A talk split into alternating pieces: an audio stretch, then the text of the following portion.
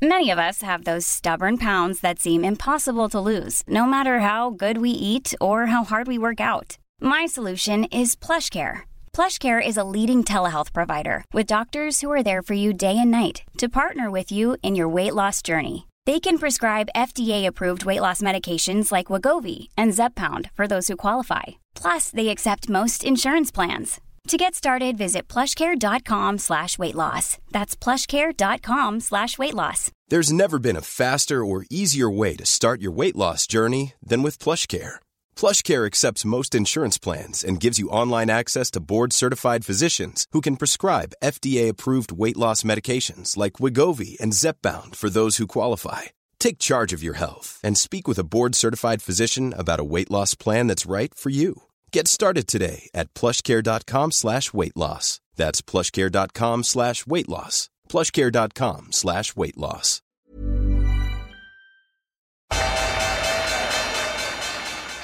They mistook leverage for genius. Leverage for genius. I would recommend you, Japan. The governments don't rule the world. Goldman Sachs rules the world. Velkommen til en ny episode av podkasten 'Tid er penger', en podkast med Peter Warren.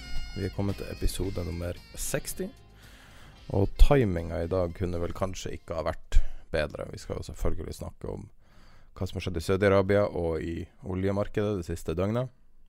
Eh, og eh, vi har eh, en del andre temaer. Det var jo en veldig maskert meltdown i forrige uke som egentlig veldig mange ikke fikk med seg men som da kanskje har hatt større konsekvenser enn man skulle tro. Peter har vært invitert på et, eh, en konferanse holdt av oljefondet. Snakke litt om det. Eh, det er veldig store spenn mellom de beste og de verste hedgefondene. Norwegian har jo hatt eh, litt spesielle utviklinger de siste ukene, og det mye dramatikk der. Og så ser vi litt på kraftbørsen, kredittobligasjoner, og så har vi noen spørsmål fra lyttere. Så det er mulig vi fader ut i randome tema, men det er sånn cirka det vi skal snakke om.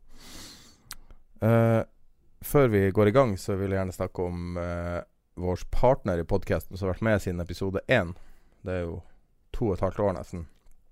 Som er også muligheten for at, at vi har uh, At vi har, holdt, har, har laga podkasten. Så veldig glad med det samarbeidet vi har med dem. Og, og, det er IG Markets.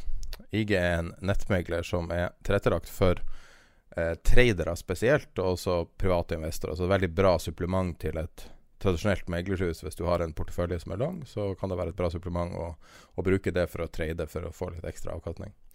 Eh, hos IG kan du også handle alt mulig av markeder, mens du kanskje ofte hos vanlige meglerhus mm, ofte fokuset kanskje på norske og amerikanske aksjer. Så har du hos IG også tilgang på, på det. Like lett å være lang og short. Du har også eksotiske råvarer. Altså alt fra appelsiner som er til sukker, som, som er sånn eh, obskure ting som kanskje er litt vanskelig å handle, men du, du kan handle det, det som er viktig. Og så kan du eh, selvfølgelig handle alt av valuta og statsobligasjoner og børsnoterte fond, kryptovaluta og osv. osv. Eh, vi har eh, I vinter så hadde vi en samtale med Erik Hansen fra IG Markets, og eh, vi har tatt opp en, en, rekke klipp fra det, og her er et utdrag fra et av klippene som vi skal spille i sin helhet i slutten av episoden. Som en future. Det handler om et marginkrav, hvilket innebærer at du går inn med en liten del av den eh, underliggende eksponeringen. Vi har drygt 40 ulike råvarer, alt fra uh, guld, uh, olje, de mest populære. Ja, jeg har nesten ikke sovet i natt eh, av adrenalin. Satt og fulgte åpninga Asian Open på eh, oljemarkedet. Det var, for dem som ikke har eh, lest nyheter eh, de siste 24 timene, 48 timene, så ble et oljeanlegg i Saudi-Arabia angrepet av en drone på lørdag. Flere droner. Flere droner. Og ti, ti stykker, tror jeg. Det, um, ut fra det vi kan se, så er halvparten av Saudi-Arabias oljeproduksjon offline. Det er fortsatt branner i det her gigantiske anlegget. Eh, og ca. 5 av den globale til, tilgangen på olje er offline. Ja. Ca. det samme.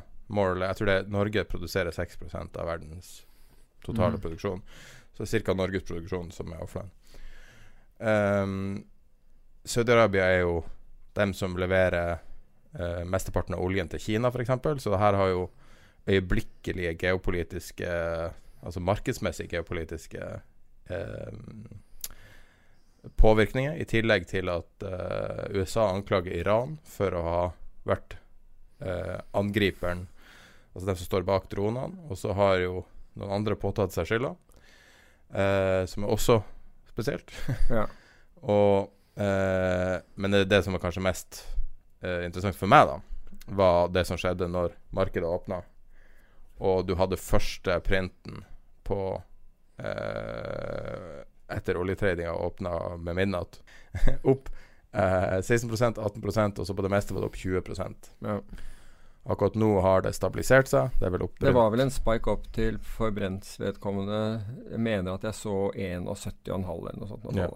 Stemmer akkurat. Så de som kom ut i dag Skyndte seg var en del analytikere som kom ut i dag og sa at oljeprisen kan Åtte timer senere, ti timer senere og sa at oljeprisen kan gå til 70 pga. dette her. De var jo litt sent ute, for å si det på den måten. Ja.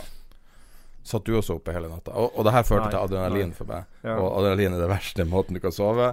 Så jeg ble sittende og lese. Jeg må si at å sitte og følge den frenetiske postinga til Zero Hedge var helt magisk ingen er bedre i krise til å lage mer krise enn Zero Hedge. Ja, de lager adrenalin, med andre ord. Ja, nei, men det var jo, altså, de delte jo veldig mye analyser, det var utrolig mye bra informasjon. Okay. Men de er jo veldig hysteriske, altså. Ja, men Så. det er jo sånn er, Jeg vet ikke om man bruker det uttrykket sånn helt fritt, det der med klikkhorer. Men det er jo liksom for å få folk til å klikke og få folk eh, engasjert i dette er mer og mer. Og jeg tenker jo i sånn der For det første er få det i perspektiv. Det er det ene, få det i litt perspektiv. Og hvis du skal gjøre det, så, så ser vi jo at oljeprisen i fjor var jo på, på, på, på, samme nivå og over, så det er liksom ikke helt unikt. Eh, I juli i år. Unnskyld, i juli i år, ja. Um, i, men også i fjor var, var vi på, di, disse nivåene. Um, så så uh, himla unikt er det ikke, altså, men det er jo en, selvfølgelig en en voldsom uh, bevegelse når den når uh, vi rett og slett åpner. Altså det er et gap imellom. Altså gap-moven er den største moven ever i historien? Ja, det er riktig. Sånn at man kan ikke ja. bare helt kimse av det? Nei, nei, nei. Men du kan si at hadde, jeg hatt, uh, hadde jeg vært short olje, så hadde jeg, hadde jeg selvfølgelig ikke syntes at det der var en hyggelig situasjon. For da blir du stoppet ut på verst tenkelig pris, og det er det folk ikke tar hensyn til når de verken i aksjemarkedet eller i andre markeder, er at børsene stenger, altså selv valutamarkedet stenger. Det stenger sent på fredag kveld og åpner ikke da før norsk tid klokken åtte uh, på, på, søndag. Og imellom der, hvis det skjer noe, så kan du få det vi kaller gap-bevegelser. Altså med andre ord, det handles ikke noe sted imellom, det bare åpner et helt annet sted. Artig nok så hadde jo Saudi handling på søndager. Saudi-arabiske ja. børsen er jo åpen på søndager. Ja, Men det var ikke noe særlig bevegelse der, var det det? Altså, sånn? 1 nei. Ja, ikke sant. Altså, det er jo ingenting, egentlig. Men jeg kan tenke meg det er ganske kontrollert marked. Jeg tror ikke ja. det er helt sånn fritt marked. Nei, og ikke er det veldig stort heller. Men, uh, men, men poenget mitt er at uh, man ofte ikke tenker på disse tingene. og der for øvrig der opsjoner virkelig kan komme til sin rett. fordi da eier du jo en rettighet ja. Og har ingen forpliktelse, og det er ganske deilig i en sånn, uh, i en, uh, sånn situasjon. Og um, folk har helt glemt det der med, med sånne, sånne, bevegelser hvor, hvor, det er ingen handel imellom. Du har ikke en sjanse. Men det var rart, fordi jeg følte meg ikke stresset over dette. Jeg var geopolitisk engasjert og tenkte på hvem er det som står bak dette. Er Houthi-militiaen i Jemen? Kom ut og sa at det, dette er oss. Um, og og det skal vite at de har all grunn til det, fordi eh, Saudi-Arabia har jo flatbomba store deler av Jemen i fire år nå. Det, vi, altså det er jo en human katastrofe av bibelske dimensjoner der. Hadde Jemen vært et annet sted, hatt olje eller, eller på noen annen måte vært interessant for folk flest, så hadde det vært, så hadde det vært i nyhetsbildet hver eneste dag, men ingen bryr seg. Altså Selvfølgelig gjør Røde Kors og, og andre det, men utover det så er det omtrent ingen bryr seg. Um, denne Houthi-militiaen har, har, jo for øvrig den, den, gikk jo til Altså, den, den, startet jo Det var jo Hussein med, sikkert flere med navn, Al-Hussi, altså som helt tilbake til Han ble drept i 2004 for øvrig. Men, men han startet jo dette opprøret mot, uh, mot regjeringen, eller i hvert fall en av de gruppene som startet mot, opprøret mot uh, regjeringen i, um, i Jemen. Og i 2015 så, så spredde denne borgerkrigen seg til, til hovedstaden Sanaa, og, og jeg tror at Eller var det i 2014? I 2016 så tror jeg de, de på måte overtok den. Men altså Jemen grenser til Saudi-Arabia. Det er, er, grenser egentlig til, til to ting. Det er Oman og Saudi-Arabia. Og, og, Saudi, og denne Houthi-militiaen eh, den holder til helt eh, Hva blir det? eh, vest helt Altså, den holder til vest i landet. Eh, nordvest blir det egentlig de holder til, men de kontrollerer da også, også, også hovedstaden. Men tilbake til denne her. altså De skal da angivelig ha stått bak dette her, og de har jo de har jo sprengt en rørledning tidligere. Og som sagt, Saudi har gjort Altså, Jemen er jo blitt et sånt Det er jo blitt et testfelt for, for, eh, for, for våpen. Og det gjelder amerikanske våpen så vel som andre, andre lands våpen. Eh, levert av Saudi-Arabia eller den koalisjonen som, som eh, de har med seg. Slik at det er liksom free for all å, å, å påføre dette landet eh, men, menneskelig lidelse. Men så tilbake til har, har houthiene da kapasitet? Og man mener jo at, og du var inne på det initielt, at det er Iran som står bak. Og Iran Altså houthiene er, er eh, Shia, samme som Iran, og støttes av Iran, mener man. Og det, det er nok gode muligheter for. Men poenget her er at det er 500 km fra grensen til mellom Jemen og Saudi-Arabia opp til disse oljefeltene.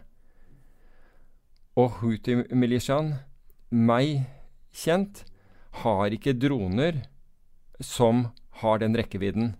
De har, altså, de har iranskproduserte eh, droner. Eh, noe som heter Ababil, som, som, eh, som har en rekkevidde på noe sånt som 150 km. Og, og det er veldig Altså, hvordan de skulle da, skulle da ha nådd opp til disse oljefeltene Altså, du, du trenger enten Yato uh, for å Altså Jet Assisted Takeoff for å launche disse, disse eh, dronene. Eller så, må ha, eller så må de være på, altså på lastebil. At de skal ha, da, ha kjørt opp gjennom Saudi-Arabia helt uten å bli uh, altså Husk på det spente forholdet mellom, mellom Jemen og Saudi-Arabia. Det er lite sannsynlig. Det er mer sannsynlig at, at dette her angrepet kommer fra annet sted, og at uh, det, det, er klart at det kan være noen Houthi-militia involvert her. Du skal ikke utelukke Iran heller, men uh, Hva med Qatar, da? Godt poeng. Veldig godt poeng. Uh, Qatar og Houthiene har ikke noe med hverandre å gjøre, men Qatar og Iran har. Og Qatar er jo hva heter ostracized på norsk? Altså De er jo på en måte ute, Frosset ut. Ja, frosset ut av Emiratene. Og du får jo ikke fløyet uh, altså Tidligere så kunne du, kunne du jo fly via Qatar til f.eks. Dubai eller disse andre emiratene. Det får du ikke gjort nå lenger. Det, det er flere år siden du kunne gjøre det. Så de er, de er frosset ut.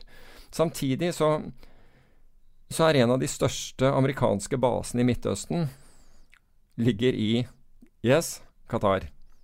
Det hadde Donald Trump glemt når han om, om, omtrent truet med, med, med krig rett etter, etter at han ble innsatt.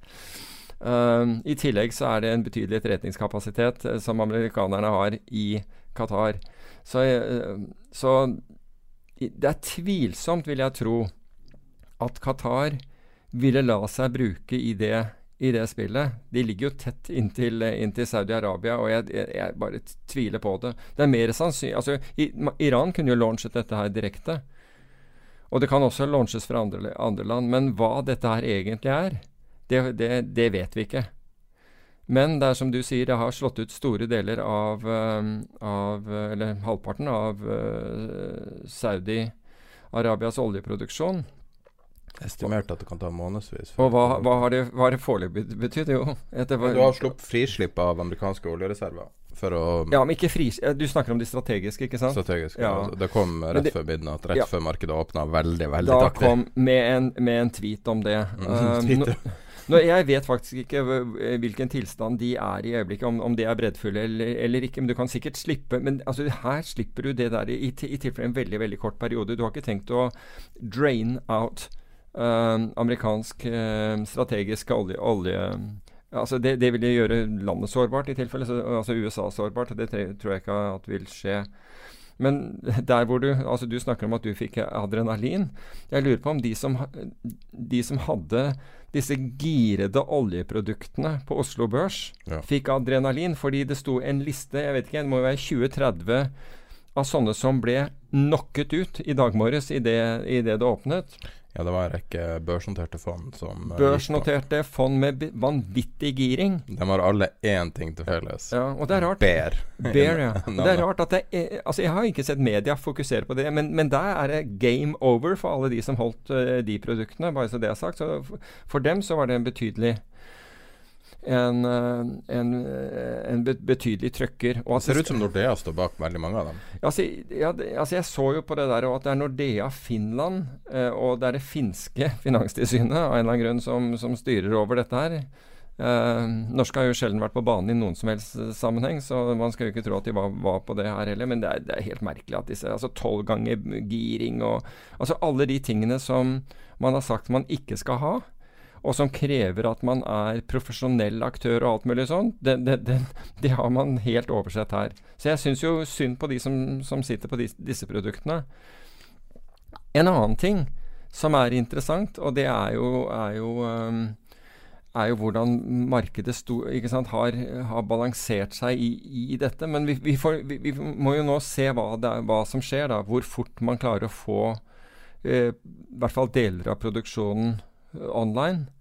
Men så, så, har du disse konsekvensene dette har hatt, og det har hatt foreløpig positive konsekvenser for, for Norge pga. at vi er en, eh, en, en, oljetung nasjon, selv om olje spiller stadig mindre rolle. Uh, mens de aller fleste uh, land har jo opplevd da at uh, nedgang i sine aksjemarkeder, så er, så er Oslo Børs opp. Mm. så jeg vet ikke. Vi, vi får nå se. Ja, Statoil eller Equinor er opp 4 i dag. Og ja, det er jo, Aker, det er jo betydelig. PG, så det er opp 5 De er jo Men når man ser på det kartet over Jemen, Saudi-Arabia, helt opp til ja, Tyrkia mm. Det er et sånn vepsebol av et område med komplekse ja. tusenvis av års historie og krangling og men du må jo også huske ikke sant, bare, altså, nevnte, kan, Hvor lenge kan det korthuset holde? Nei, At, at Jemen og, og, Iran er jo, som, som vi snakket om, Shia, mens, mens Saudi-Arabia er sunni. Så her har du liksom Der har du den, den konflikten også. Så men det er jo det, det Adenbukta, Var det ikke i Adenbukta det britiske imperiet falt? Uh, altså det er jo uh, Og det vet jeg kun vi, fordi at det var det, Nå skal ikke jeg si at det er noe historie. Vi briter vi mener jo at det aldri falt. du, vet du hva Kan jeg få lov til å ta første digresjonen i dag? Ja, kom igjen. Jeg har lest om skatteparadiser i det siste. Vet du hvem som konstruerte de store, moderne skatteparadisene? Du husker, husker du når eurodollar ble introdusert? Eh, det var, det var, før du var Tenker du, tenker du um, Altså offshore? Altså, ja, og, ja, jeg husker jo tilbake til den tiden. Så hele den Da var, da var det jo Dol, Dollar er eid av, av ikke-amerikanere? Ja, Sovjet. Mm. Det var vel det som var Det var de første Sovjet hadde ganske store reserver mm, av okay. dollar. Så for at Det er en utrolig kompleks historie. Men det som er så utrolig, var at jeg har tatt for gitt at skatteparadiser har bare eksistert. Det er bare en ting som bare er. Det er bare en, en statisk greie i verden. Men skatteparadis Ok, Østerrike er verdens største skatteparadis. Ganske ukjent. Men hvis du da ser på skatteparadiser i verden, så har de én ting til felles. Og det er at de alle er de siste smulene av det britiske imperiet. Så det som skjedde, var at eh, Bank of England dro til Cayman Island, der det var Der det var liksom Det var ingenting. Det var bare insekter der, da. Og så dro de til Cayman Island, som var en av de få øyene eller en av de få restene igjen av britiske imperiet, akkurat eh, når Egypt falt. Eh, altså når Egypt tok over eh, Suezkanalen. Som en direkte konsekvens av det, så forsøkte britene å på en måte eh, Sånn som de sier i, i startup-miljøet, å pivote. Og dem, Bank of England konstruerte det reglementet til Cayman Island som da førte til eh, Førte til det, det skatteparadissystemet, som basically at du kan offshore profiten. Og det her er knytta til eh, de her tusen årene med, med London City, men basically at den moderne britiske imperiet Eller det britiske imperiet eksisterer fortsatt. Og land som Canada er jo også store skatteparadis. De har jo helt vanvittige reglementer. Og det britiske politiske systemet er tilsynelatende bygd opp i veldig stor grad for å støtte skatteparadissystemet, og for å presse Europa til å ikke eh, måte stoppe det, for å si det. Du har Jersey og alle de her i tillegg, Mm. da. Og uh, Isle of White og Isle of Man. Nei, men Guernsey og Jersey er jo på en måte Ja. de Isle of White og Isle of Jeg vet ikke om Isle Isle, of Man, Isle of White er, er helt uh, under, under Men så har du jo dem i, i eh, Dem i, uh, i um, Sør-Amerika, eller i Mellom-Amerika. Og så alle de små eh, rundt omkring. Og så hadde du jo det vanvittige greiene Tenker du Cayman og Bahamas og sånne Ja, alle, alle de her. Mm. Bahamas har vel falt, tror jeg, som skatteparadis. Men, Ja, Cayman er fortsatt. men Canada er jo også et britisk Det er jo en del av det britiske imperiet fortsatt. Um, men det som jeg, jeg syns det var så utrolig spesielt, at Bank of England konstruerte alt det her for å videreføre det britiske imperiet, men det var ikke lenger nasjoner, det var selskaper. Mm. Og at England har er helt legendarisk, noe jeg ikke helt hadde skjønt, hvor legendarisk de var for sånn soft touch-regulering. Sorry. Oi, oi. Jeg var helt i sjokk da Ja. jeg lærte det her.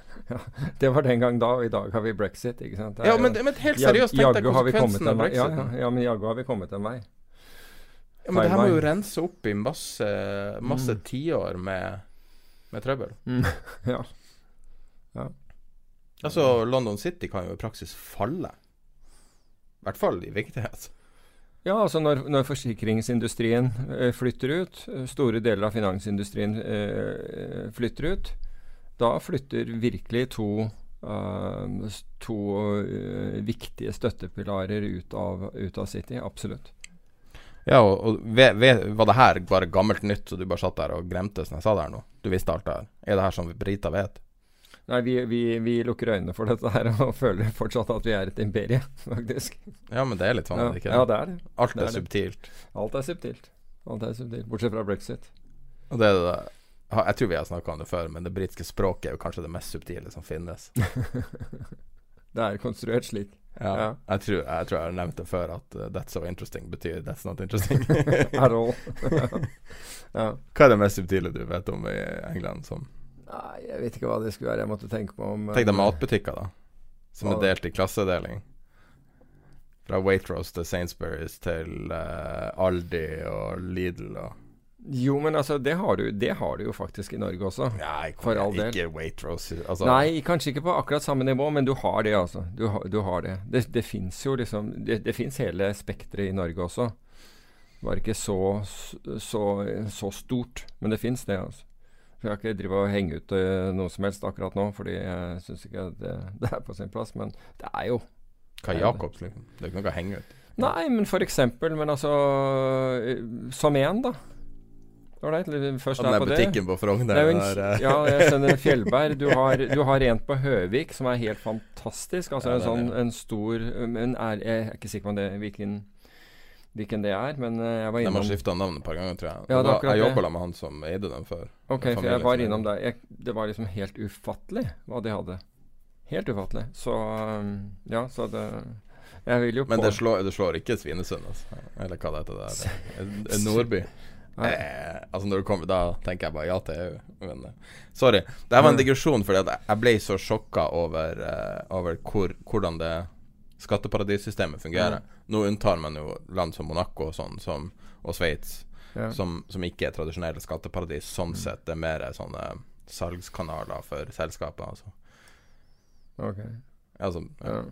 det Når, du, når, når vi beveger oss tilbake til Midtøsten, så er det ikke så mye, mange som betaler skatt der heller. Er det ikke. Nei. Altså, se på Dubai og disse, disse stedene. Det er ikke mye skatt. Det er veldig lav skatt. Hm. Veldig, veldig lav. Uh, nå er jo, kan du si at det er ulemper ved, ved de, helt klart de regimene også, men, uh, Men uh, skatt er ikke noe du er plaget veldig med. Men hva tror du kommer til å skje? Altså, Saudi Det har jo Det var Altså, jo fallet av Saudi Trump- var jo på en måte frykten mange hadde av når eh, Når eh, han gamlingen døde. Ja. Og nå han eh, Han er jo, han er jo min alder, han, eh, han lederen. Mohammed bin Salman. Ja, Ja, etter at han, ja, at han tok over. Ja. Det eneste som mangler nå, vel han blir joiner Twitter. Begynner å fyre ut. ja. Nei, det, det er vel Ja. Men for å si på den måten, du blir bedt, på, bedt, i en av de ambassadene, og de serverer sånn der eh, kjøttpai, så tror jeg du bare Kanskje ikke. etter han eh, Etter det som skjedde i Tyrkia. Mm, kanskje jeg står over den. Da- Men det er, jo et, altså det er jo et land som bare har fått holde på og holde på og holde på. Men det virker altså Tenk deg, no, tenk deg hvor det her illustrerer det med sårbarhet, da. De kan jo aldri puste igjen. De må jo i praksis få seg et sånt skjold, sånn rakettskjold, ja, Har de ikke det? sånn som Israel har. Men Men Israel er jo et lite land, sant. Saudi er jo et gigantisk land. Ja, absolutt. Så um, Men, men ja. Jeg snakka med noen som har masse exes om det her i går. Så sa jeg bare åh, jeg orker ikke å høre mer på sånn her ny sak, alltid noe nytt. Så Mm. tenker jeg, men altså, det var før markedet åpna. Så sier jeg liksom at Men det her er jo Altså, det er jo en big deal.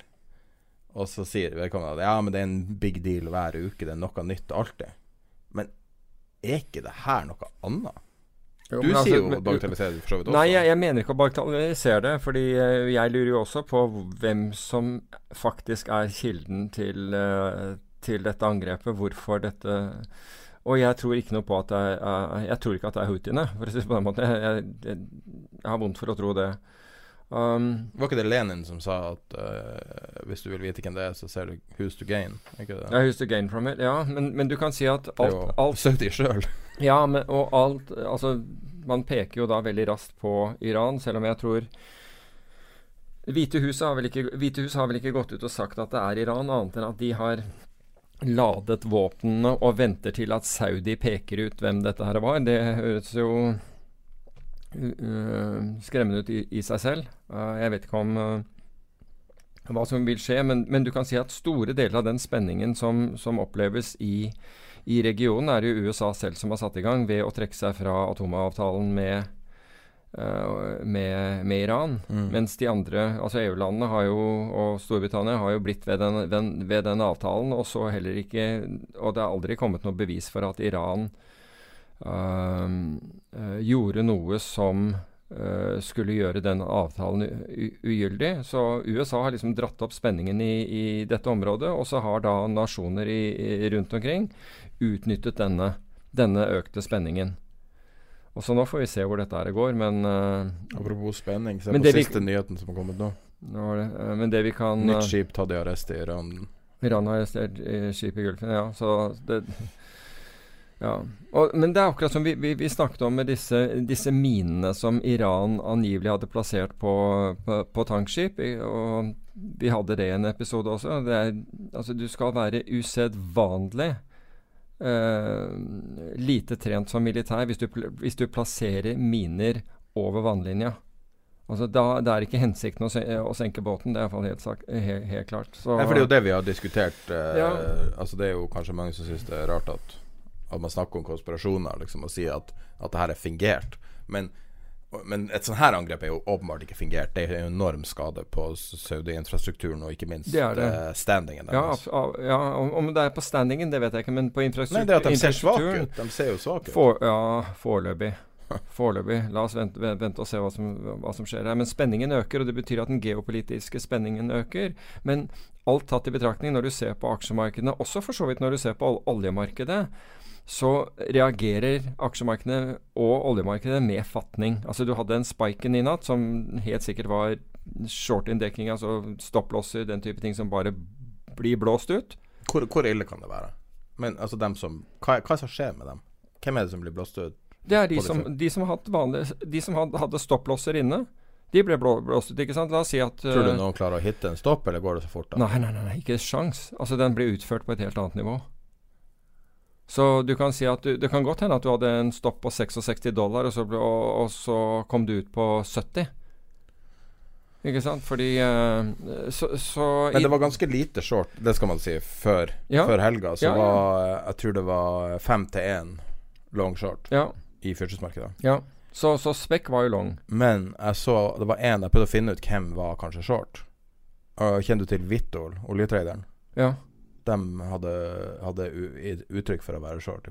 Men det kan være at de er short future and long, long det fysiske markedet, det vet man ikke. Nei, nei, selvfølgelig Men ikke. Jeg bare altså, sier hva men sa. du kan si at altså, Hvis du ser på oljekurven, da, det løftet jo ol oljekurven. altså Ta, ta f.eks. desember 2020, som jeg er litt opptatt av fordi jeg har en posisjon der. Uh, den løftet seg ca. 3 dollar. Um, og så ble kurven litt brattere, altså uh, terminkurven på, på olje. Men uh, så, så du kan si at olje for levering i dag er vesentlig høyere enn olje for levering f.eks. Den bånder ut i desember Nei, unnskyld, i juni 2022.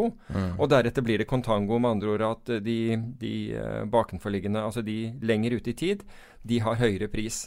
Men frem til desember, unnskyld, uh, juni 2022 så er olje uh, altså måned for måned lavere. Altså olje for levering nå er den høyeste, og olje for levering om, om en måned, to, tre osv. Ut, ut i tid er stadig lavere, lavere pris på. Så, så, så det flyttet oljekurven eh, lite grann. Gjorde den litt, litt brattere, men, men eh, nå, får vi, nå, får vi, se hva, hva, som kommer. Men den geopolitiske spenningen er økt. Og da vil du normalt sett si at, at folk tenker at da skal jeg være forsiktig med pengene mine. men Ingen tror Altså, alle er vant til at sentralbanker tar risikoen for dem. Har den der sentralbankputten altså det er, kommer ikke til å tape noe særlig penger. For hvis, eh, hvis markedet, aksjemarkedet faller, så kommer sentralbanken inn og, og, og, og hjelper meg. Så det er, altså Hadde dette skjedd under et annet regime hvor du ikke hadde hatt F.eks. europeiske sentralbanken som vedtok i forrige uke at de skulle kjøre enda kraftigere ut og, og kjøpe enda mer. Enda det har Tenk ikke, at vi tenkte ikke på det som et tema engang. Vi hadde glemt det av før vi starta. Ja, ja, da, men det har jo ikke fungert til nå. Så du kan si at tenk deg hvor mye penger som er blitt pumpet inn, og du har ikke fått noe som er Altså, du har fått finansmarkedene høyere, men veksten er fortsatt kjempelav. 20 milliarder pund Nei, 20 milliarder euro var det. Euro. Ja. Så um, Så jeg vet ikke. Det er um, Altså som, som, som Goldman sa, sant? største trusselen de så, var at ingen, hadde, uh, ingen av de som aktørene i markedet i dag hadde Med ingen så er jo det selvfølgelig i anførselstegn, men i hvert fall svært få har noen gang håndtert ordentlig risiko. Mm. Og, og det er nok den, den største trusselen, er at det, det blir alvor ut av dette på et eller annet tidspunkt. Og da sitter jo rett og slett folk og Hei sann, hva, hva gjør jeg nå? Hva, sant? Aldri sett dette her før. Og jeg tror det ble en sånn rude awakening for eh, en hel haug oljespekulanter i dag morges når, de, når de fikk den telefonen og sa at du, du er blitt stoppet ut av olje. Å ja. eh, Gikk stoppen min på 66 dollar? Nei, den gikk på 70,5. Hæ? Det hva er det verste som kan skje? Er det å, å, uh, ehm, å utstede, å utstede puts? Nei. Nei, i dette tilfellet ville det være at du hadde, utste, at du hadde utstedt calls. At du var- sorry. Ja, at du var short. Sorry. Ja, så hadde du utstedt uh, kjøpsopsjoner, så Hvor ille kan det være? Ja, det, ikke sant? Du har fått lit, en ganske liten premie, og så, og så er ikke sant? Altså, Du har kanskje fått en hundredel i premie. ikke sant? Så, så Så du, du, du kunne tape én og tape eh, Du kunne tjene én og, og, og tape 100. Det er aldri spesielt god, uh, god, god match. Men tror du folk går under av det? At noen har gått under på dette? Mm. Ja, det tror jeg helt sikkert. Er det, tror du det stemmer, det som er ryktet om at masse kvantfond uh, jeg har var inne i en eller annen short oljetrade? Uh, nei, altså når du ser på På trend, så vil jeg vel tvile og, altså, du, altså, Det ser du ut ifra ut ifra CFTC-rapporten og, og det som blir offentliggjort hver, hver uke.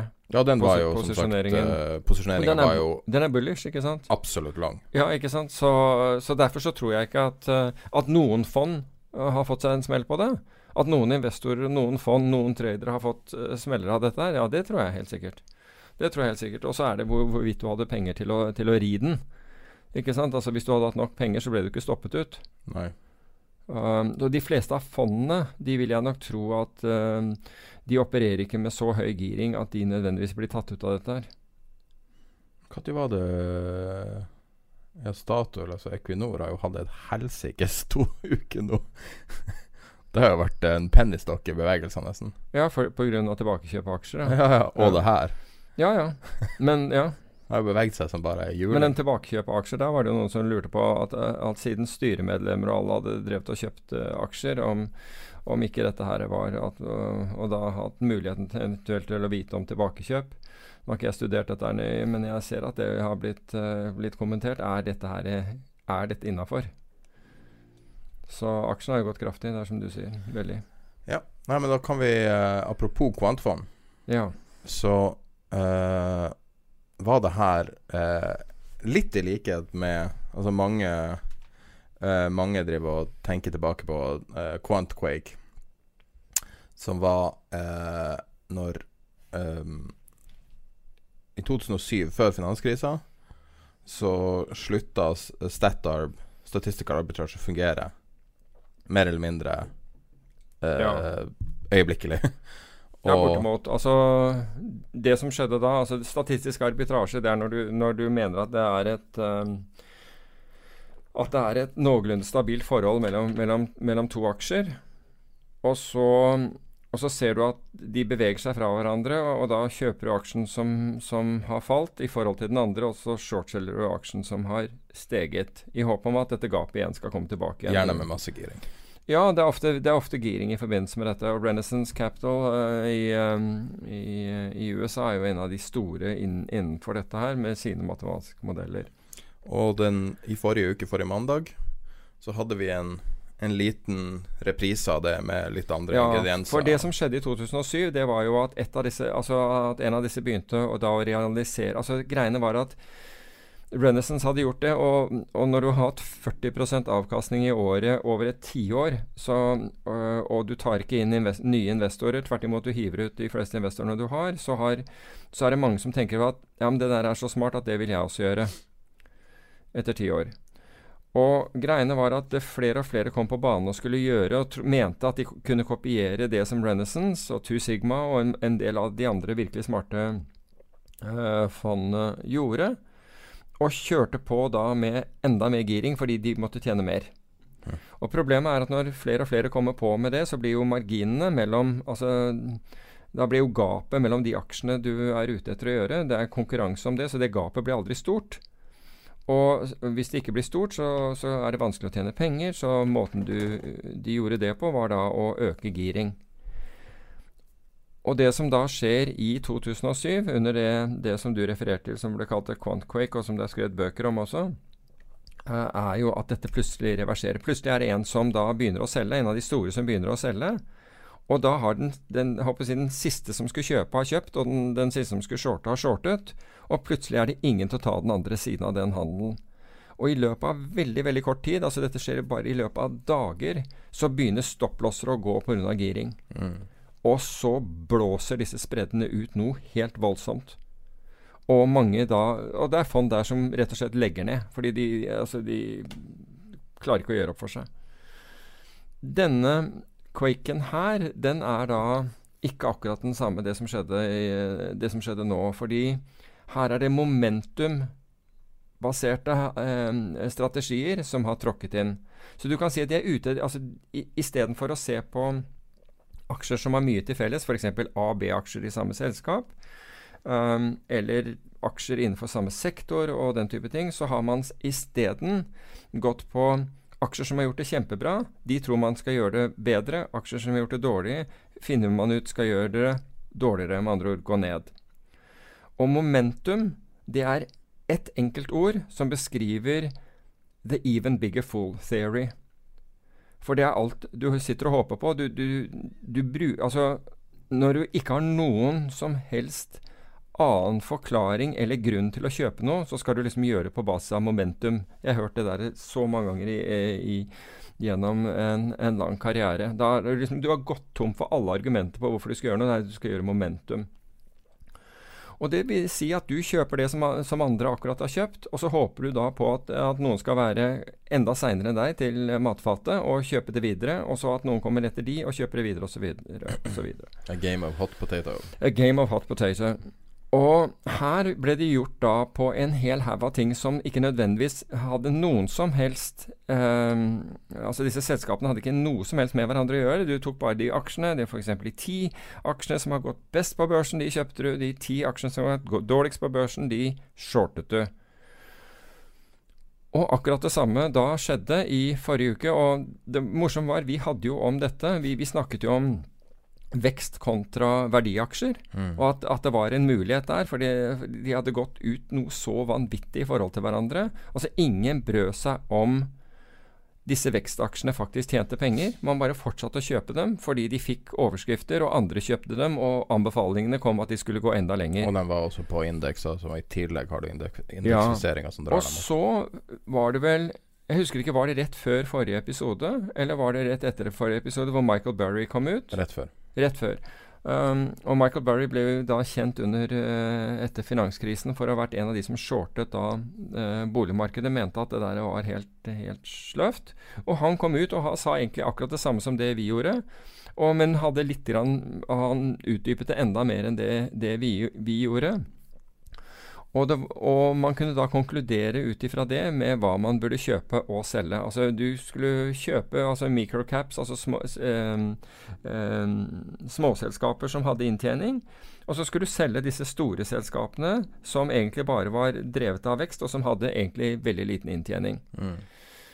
Og i forrige uke så slår det til noe voldsomt. Men det er ikke det største. altså du kan si at Jeg har sett på en del av disse indeksene. og og det vi ser der, er at øh, altså Hvis du tar den ene delt på den andre, så, så får du på en måte øh, Får du på en måte visualisert hva som foregår. Og vi snakker om en oppgang som i hvert fall på, i forrige uke hadde vært litt over 5 um, og du hadde, du hadde, en tidligere i år, en, en, slik oppgang på nærmere 6% Så det er ikke første gang, men greiene var at enda flere Altså volumet var mye større nå, det var enda flere som hadde kommet inn i traden. Slik at det fantes en ETF du kunne kjøpe, og den mener jeg heter eh, har tikkerkode CHEP, hvis jeg husker riktig som da uttrykte dette her, hvor du slapp egentlig å gå og shorte selskaper og kjøpe selskaper. Altså du, gjennom den så kjøpte du verdi og shortet vekst. Den Altså på, på, en, på en enkelt dag steg den, steg den 7 på, på tre dager så steg den 10 hm. Så det er en ETF du kunne gjøre, som da stiger 10% på tre dager. Og rett og slett tar, tar inn, tar inn det, dette misforholdet. Enkeltaksjer som uh som har gjort det veldig bra de siste tolv månedene, som da hadde den, 9. Den 9. september, da det her gjaldt. Ja.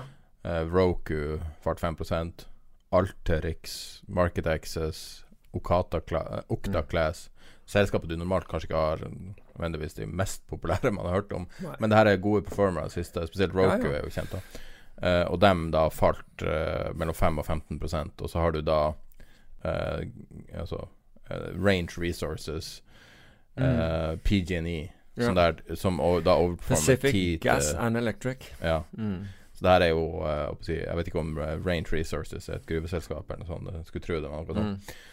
Men uh, 10-15% opp på en dag for, ja. for blue igjen. Det er voldsomt. Er voldsomt. Og spesielt så må du huske, sånn som du har sagt tidligere, at når folk er gira 5 til 1 og 10 til 1 og 20 til 1, så er du wiped out med ja, den bevegelsen. Altså når du får en sånn Ja, da er du wiped out. Selv om indeksen bare tikker og, og litt jeg, ned. Og jeg er temmelig sikker på at vi kommer til å se altså Du vil nok se dette her i, i, uh, i en hel haug av uh, vanlige aksjefond også, fordi det er mange av de som har vært sånn momentum i, Uh, Men i hedgefond kommer du til å se dette. Jeg er temmelig sikker på at du kommer til å se noen fæle resultater på, på basis av, av dette. Mm. For der er det også veldig mange sånne momentum i, eh, Altså, det er altfor mange hedgefond i forhold, til, i, i, forhold til gode ideer, for å si det på den måten. Uh, og, og, da lener de seg på sånne ting. Ah, du får kjøpt ferdig sånne pakker av investeringsbankene som Goldman og JP Morgan og Morgan Stanley gir deg sånn ferdig pakke med dette her hvis du skal ha det. Så det er veldig enkelt å gjøre det. Det er ferdig finansiert, det er ferdig rappa. Og så tar du 22 Kan du det? Nei, det er ikke så mange som tar to Altså, det er, det er det som er det rare. De som tar 22 nå, det er ofte dårlige fond. Men halvannen og 10 og halvannen og 15 ser vi. Selv med at du bare Ja, de gjør det. Ja, etter. Men det er jo akkurat det. Det er jo akkurat det. Men, det er jo eh, også et ETF-ifiseringa av Av uh, Indekseringen og ETF-iseringen, fordi det er jo litt av det, Det er samme, ikke sant? skummelt, altså. Ja, men det er det. For det fordummer jo alt. Det, det er jo så utrolig. Jeg husker um, Men, men Eh. disse tingene skal jo gi mulighet. Altså problemet Jo, men det er fordummer jo hele systemet. Ja, det fordummer he hele systemet, men samtidig skal de gi muligheter. Og det eneste årsaken vi ikke har sett disse mulighetene på en måte um, come into play tidligere, er kvantitative lettelser som da gjør at dette her kunne fortsette. Billige penger og hele greia gjør at, at man kunne tyne dette mye lenger. Ser du den siste meldinga som kom inn for ett sekund siden? Nei. Saudi official consider delaying Aramco IPO. igjen. Wow. Det her får konsekvenser. Ja. Sorry at du avbryter med breaking news i en Mm. podcast som kommer ut om eh, seks til åtte timer. ja, riktig. Eh, Da, da er den ikke så breaking lenger, men Men, men det er liksom det her at uh, når, når store penger når, når store pengebevegelser, altså ting, store viktige ting, ikke, ikke penny stocks, ikke Mm. liksom Tesla eller noe sånt, men altså når, når oljeprisen flytter seg 10% så skjer ting. ja. Men, men det er ikke bare det at oljeprisen eh, flytter seg. Det er, det er jo Altså, det hadde vært én ting, men eh, verdens nest største oljeprodusent, mens og samtidig verdens største eh, oljeeksportør, er liksom er, har fått halvert produksjonen sin. Det betyr noe. Nei, det er, men du kan si at jeg, jeg syns jo ikke at den usikkerheten er, er reflektert i markedene heller. Altså Det er mulig i, til en viss grad i olje, oljemarkedet, jeg er ikke så sikker på det heller. Men, men det er jo Altså, Oljemarkedet er jo veldig fysisk, så der er det jo alltid noen som, som vet mer enn mer enn deg. Det er iallfall helt klart. Eller mer enn meg, eller mer enn oss. Eh, men, så vi, vi får nå se. Men uh, det at, uh, at Trumps hevder at det er locked and loaded um, hmm. Selv etter at han har kasta ut Bolten. Ja. Det, så Ja. hadde Bolten vært her nå, så hadde Ja, det, det, var, det var det som på sto på, på, på, på tweeten hans, og da bare ventet på at liksom Saudi skulle bekrefte hvem som sto bak. Så får vi nå se om eh, om den der late night-tweeten blir satt ut i verk. Fordi, eh, ja, selv uten Bolten Trump har nå virka vært bemerkelsesverdig lite interessert i å angripe Iran. Enig. Så, og det er jo ekstremt bra for, for Mm. alle, hvis de har lyst til å leve lenger. Ja, litt annet Skifte litt gir her. Eh, Det var vel dagen etter siste episode, så var du på konferanse hos, hos Norges Bank og oljefondet. Ja. Det var den der årlige eh, konferansen til, eh, til Norges Bank, og den er utrolig Den er alltid veldig bra. Selv om det er klart at enkelte temaer har interessert meg De alltid er hovedtemaer, mer enn mer enn andre. Og denne gangen så, var, så het, het konferansen 'The Future of, eh, of Corporations'. Og de har jo et starcast av eh, akademikere og, og folk fra markedet. Og, og mm, Jonathan Tepper var jo en av de som var der, og han er jo tidligere analytiker i SAC Capital. Og, men det er, det er jo akkurat det der med oljefondet. Altså, du? Vi vet jo hva som skjedde i SEC Capital, men de går på Altså, de, altså er, folk, er det bra folk og, og kunnskapsrike folk, så, så faller de innunder øh, Innunder øh, øh, Eller kommer de på radaren til, til, til oljefondet. Men han Altså, i, i hans foredrag så var det jo bl.a. dette med Altså Han så hvordan regulering har gått helt av skaftet, og nå øh, og Dette har vi også snakket om tidligere. Redusere, konkurranse, re, redusere konkurransen i finansmarkedene og øker kostnadene for, øh, for altså forbrukeren, investoren i, i, i dette tilfellet. Og Han var veldig opptatt av det, og han viste da hvordan dette, altså effekten av dette, og det har allerede gjort seg eh, gjeldende. Og jeg har ikke sett et sted hvor eh, noe finanstilsyn, altså verken her i landet eller, eller internasjonalt, har vært opptatt av det. Tvert imot, de har jo staffet opp og fått enda flere folk og eh, enda mer makt. Og syns ikke å være opptatt av nettopp det at, at det, det de kaller barrier to entry, altså kostnadene for å etablere, er så høye nå at konkurransen at konkurransen blir redusert i finansmarkedene. Akkurat det de, som de burde ivareta og sørge for at, at er reelt, så, så, gjør de ikke det. Altså det, det, det blir faktisk motsatt.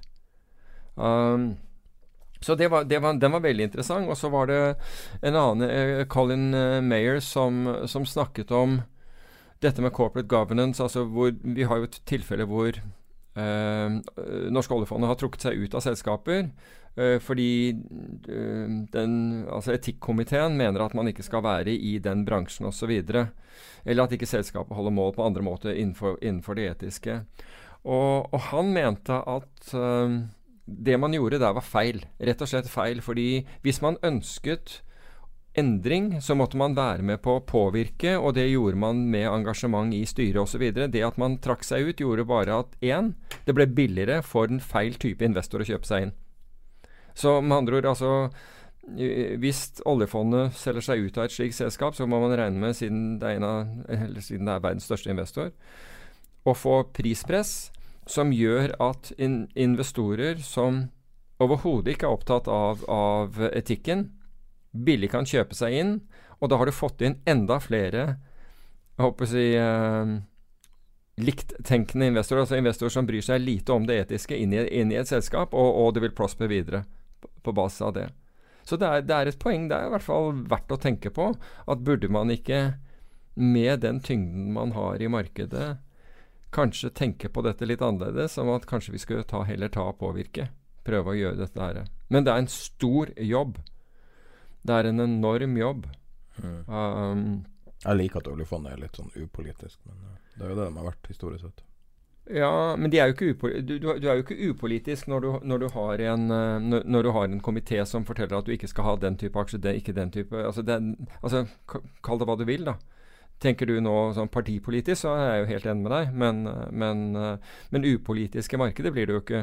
Tenk deg liksom hvis MDG kontrollerte oljefondet, hvordan det hadde vært. Helst vil jeg, Nei, men bare tenk deg det. Altså, ikke, ja. altså, eller, eller altså, altså Jeg mener populist. Da mener jeg noe altså, Populist er ikke nødvendigvis et negativt ladeord. Man kunne tatt Frp for så vidt som også til, til en viss grad populister. Mm. Eh, hvis du hadde putta sånne type Altså Hvis man hadde ikke konstruert oljefondet på riktig måte hvis man hadde putta sånne folk med mer direkte kontroll, da hadde det ikke vært noe igjen før du vet ordet av det. Nei. Og det er jo det, så, så hvis man hadde gått den veien Jeg bare stiller spørsmål med det Med det du sier. Ja, altså jeg tenker jo at uh, Altså jeg syns det var et interessant uh, synspunkt, det der å å kunne påvirke. altså Skal man bruke det til å heller påvirke selskapet eh, i forbindelse med med, med governance. Skal man heller gjøre det? Mm. Um, og som Jeg tror Yngve Slyngstad Jeg mener at han, han sa noe om dette. At, um, at han trodde jo når han overtok der, at, at det det norske folk ville være opptatt av, og der, altså presse og politikere, det var hvor mye man kunne Altså hvor mye kan man tape når det går, når det går gærent. Men det var veldig altså det, var, altså det var jo heller disse Når man kjøpte seg inn i et selskap altså Det var jo mye mer interesse for det enn det var for Altså, for den tanken. Så største delen av jobben går med da på å svare på spørsmål, intrikate spørsmål om forskjellige selskaper, og hvorfor man gjør dette, og hva man mener om det, fremfor det der å se på uh, tenke på, på, på, på risikoen. Hva hvis, dette, hva hvis, de nå får et 20 fall i aksjemarkedet? Som man sier at på et eller annet tidspunkt så får, får, man disse. Det er helt klart at det vil man få. Vet ikke når, men det vil skje. Men det virker det som det er veldig liten fokus på. Det er fokus på hvorfor, hvorfor har kjøpt det selskapet. Um, visste du det om det, og må, må, rett og slett forsvare enkelte investeringer. Er det, ikke, det betyr jo ikke at ikke oljefondet er i er, er opptatt av risiko. Dag Huse og, og, og hans folk eh, har jo som jobb å gjøre den biten der. Så den, den er sikkert godt ivaretatt. Men, eh, men, men det var liksom Ellers så var det, var en interessant Men der, der, skal jeg ikke Der skal jeg bruke uh, Chatham House Rule, um, som, som, det ble påpekt. Uh, hvor, hvor en sa at Vi drev og, og, og snakket under lunsjen Og, og, så kom han inn på bl.a. dette her med bruk av elsykler og folk som ble påkjørt og, og, og litt, litt, sånn forskjellig. Og jeg nevnte da to tilfeller på én dag hvor én, det er en jente med hodetelefoner som går rett ut i veien foran meg. Altså ingen signal i det hele tatt. Og jeg klarer å stoppe med en halvmeter. Og da, da snakker vi om å låse opp bremsene ordentlig.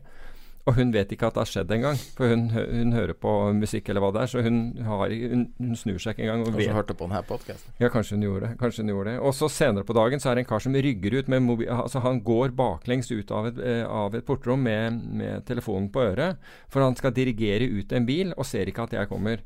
Og også der, men der stopper jeg med litt større margin. Men når han da snur seg og ser at det står en bil rett foran, så skvetter han noe voldsomt.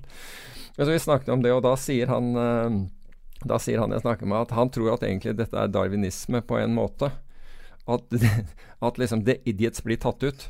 Altså de som ikke Altså det er ikke levedyktige. Altså Det er forferdelig sagt, altså nå må man ikke ta dette for langt, men liksom At det, dette idiotiet tar bort liksom de, de, svake i flokken, rett og slett. Altså Han lurer på om det er en sånn der kosmisk uh, tanke bak, uh, bak, bak, dette her. Altså det er en måte å kalle det the, the weak ut av flokken. Fordi altså, det er jo, Du ser jo hver eneste dag. Folk går, sykler også med, med, med hodetelefoner. Kjører, øh, kjører elsykkel med, med hodetelefoner. Får ikke med seg én ting. Rett ute i veien. Og altså de, de, kan vel takke ABS-bremser for at uh, mange av disse er for at, uh, at de er i live. Mm. Eller ikke er på Sunnaas. Det er fort gjort. Så um, litt sånn fascistisk tankegang. jeg mener ikke at den skal være det, men, men, ja, men, men og, og, det var ikke ment. Men du kan jo begynne å lure. Altså, når, du, når, du, når, du, ser på det og ser disse nestenulykkene, og det er sikkert mange som ender også tragisk, mange flere enn det man Man kan jo argumentere med at, at, at, at å kurere astma, f.eks., svekker hele flokken. Ja. Hvis man skal ta det så langt. Ja, men, jeg, men, du kan si her er det noe du kan gjøre noe med selv. Altså hvis, du, hvis du går og hører på, på, musikk og ikke er i stand til å forstå at du går på et fortau, og at, det, at liksom, det å plutselig uten, uten at det er et fotgjengerfelt, eller uten å signalisere, så bare går du rett ut i veien. Men er ikke det nesten altså Hvis du tar den samme situasjonen, er det ikke nesten litt skumlere at flere og flere blir isolert, kontra at de blir påkjørt? At folk bevisst går inn i et, et lite bur og bare blir der.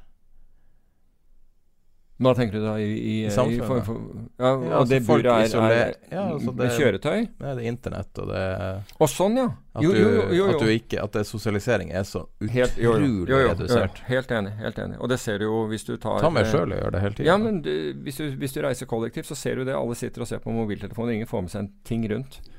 Uh, det er jo sånn. Ja, nei, det er jo Nå er vi jo litt bort fra, fra Norges Bank og ja.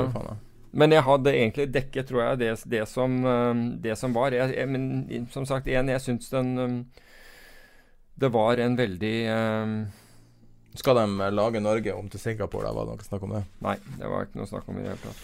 Skulle ønske det var politisk eh, Politisk vilje til sånn.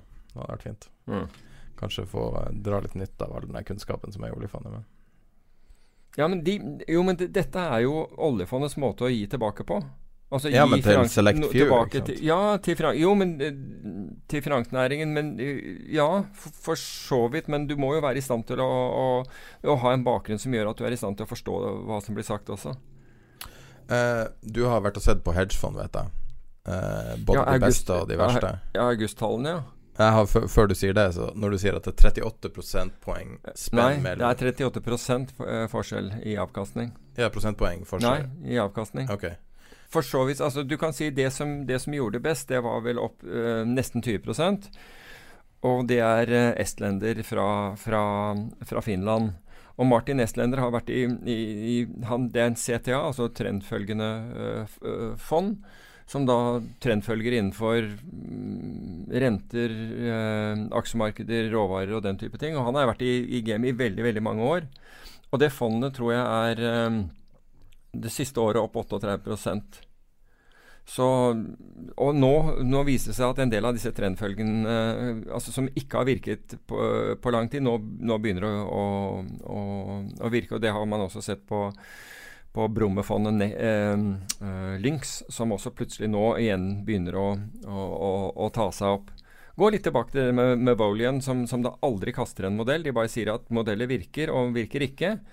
Vi kaster de aldri, fordi vi vet at det kommer regimer hvor, hvor, hvor, de virker igjen, og da slår vi de på. Um, så, så, er, så, du kan si at det fondet altså det, Hadde det vært et et, et, fond, et veldig snevert fond, altså investert i to ting drevet av en, en kar som på en måte all, akkurat har satt av fondet, og som hadde veldig lite penger, så hadde jeg sagt at ja, da, da hadde jeg i hvert fall, eh, hvert fall vært eh, skeptisk. Men akkurat Martin Eslender har vært i, i, i markedet i veldig mange år. Really nice guy for øvrig. Um, Uh, slik at jeg er ikke så Altså, det er hvorvidt du liker trendfølgende fond eller ikke, men du får det, det, det, du får, og du vet egentlig hva du får. når du, hva var det verste fondet? Det verste fondet var, uh, var, Titan Opportunity, som var ned altså 20,3% på, på, på én enkelt måned, og er ned 44% på, på de siste tolv. Og det er jo relativt uh, Hvordan er de operasjonelle fortsatt? Det vet jeg ikke. Eller ja, de har jo i hvert fall gitt inn den. Men, men det er dette fondet som da stort sett har, har investert i uh, Trøim-selskaper. Ja, det det, ja, Jeg ikke vi, vi har jo ikke brukt navnet uh, tidligere, men vi har sagt at det er et fond som, som kunne gjøre det, ja. som er sånn supersnever uh, portefølje. Nei, men jeg sa mye, altså. Ja, så um, Men, men altså, har, jeg, kan, jeg kan sjelden huske å ha sett et sånt spenn som, som dette i, i hedgefondverden, altså hvor, hvor fondet er ned 20 på altså Hvis det ikke er finanskrise eller noe sånt nå, så jeg, kan jeg ikke huske altså det, det, begynner jo liksom å ta hele altså Jeg skjønner mer at, altså med rette at folk lurer på hva er hedgefond, når, når de ser på en måte et sånt spenn. Men det er jo altså De har jo bare tatt navnet. Altså jeg kan ikke Jeg vet ikke, altså Er det et hedgefond? Hva er hedgen? Ja, det Ja, det vet jeg ikke. Det vet jeg ikke. Men det tror jeg er sånn Ja, jeg vet ikke om det er sånn Eier de boredrilling, er det det? Ja, det og 2020 Balkers og noe andre greier. Men, altså, altså, da kan du like gjerne bare aksjer. Men 2020 Balkers var jo et selskap som hadde kurs på 96, og så ble det omsatt 3000 aksjer, og så var det ned 7% eller noe sånt. Noe. Altså, ok.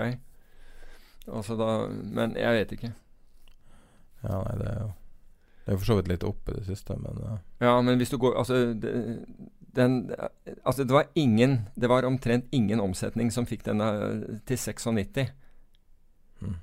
Så det du ser nå, det er e-, etter at den, den er kommet på, på, en, på, en, børs. Men, men den sto jo da flatt på, på, mellom 90 og 96. Sto bare flatt som om Og dette var mens bulkmarkedet falt, så steg den.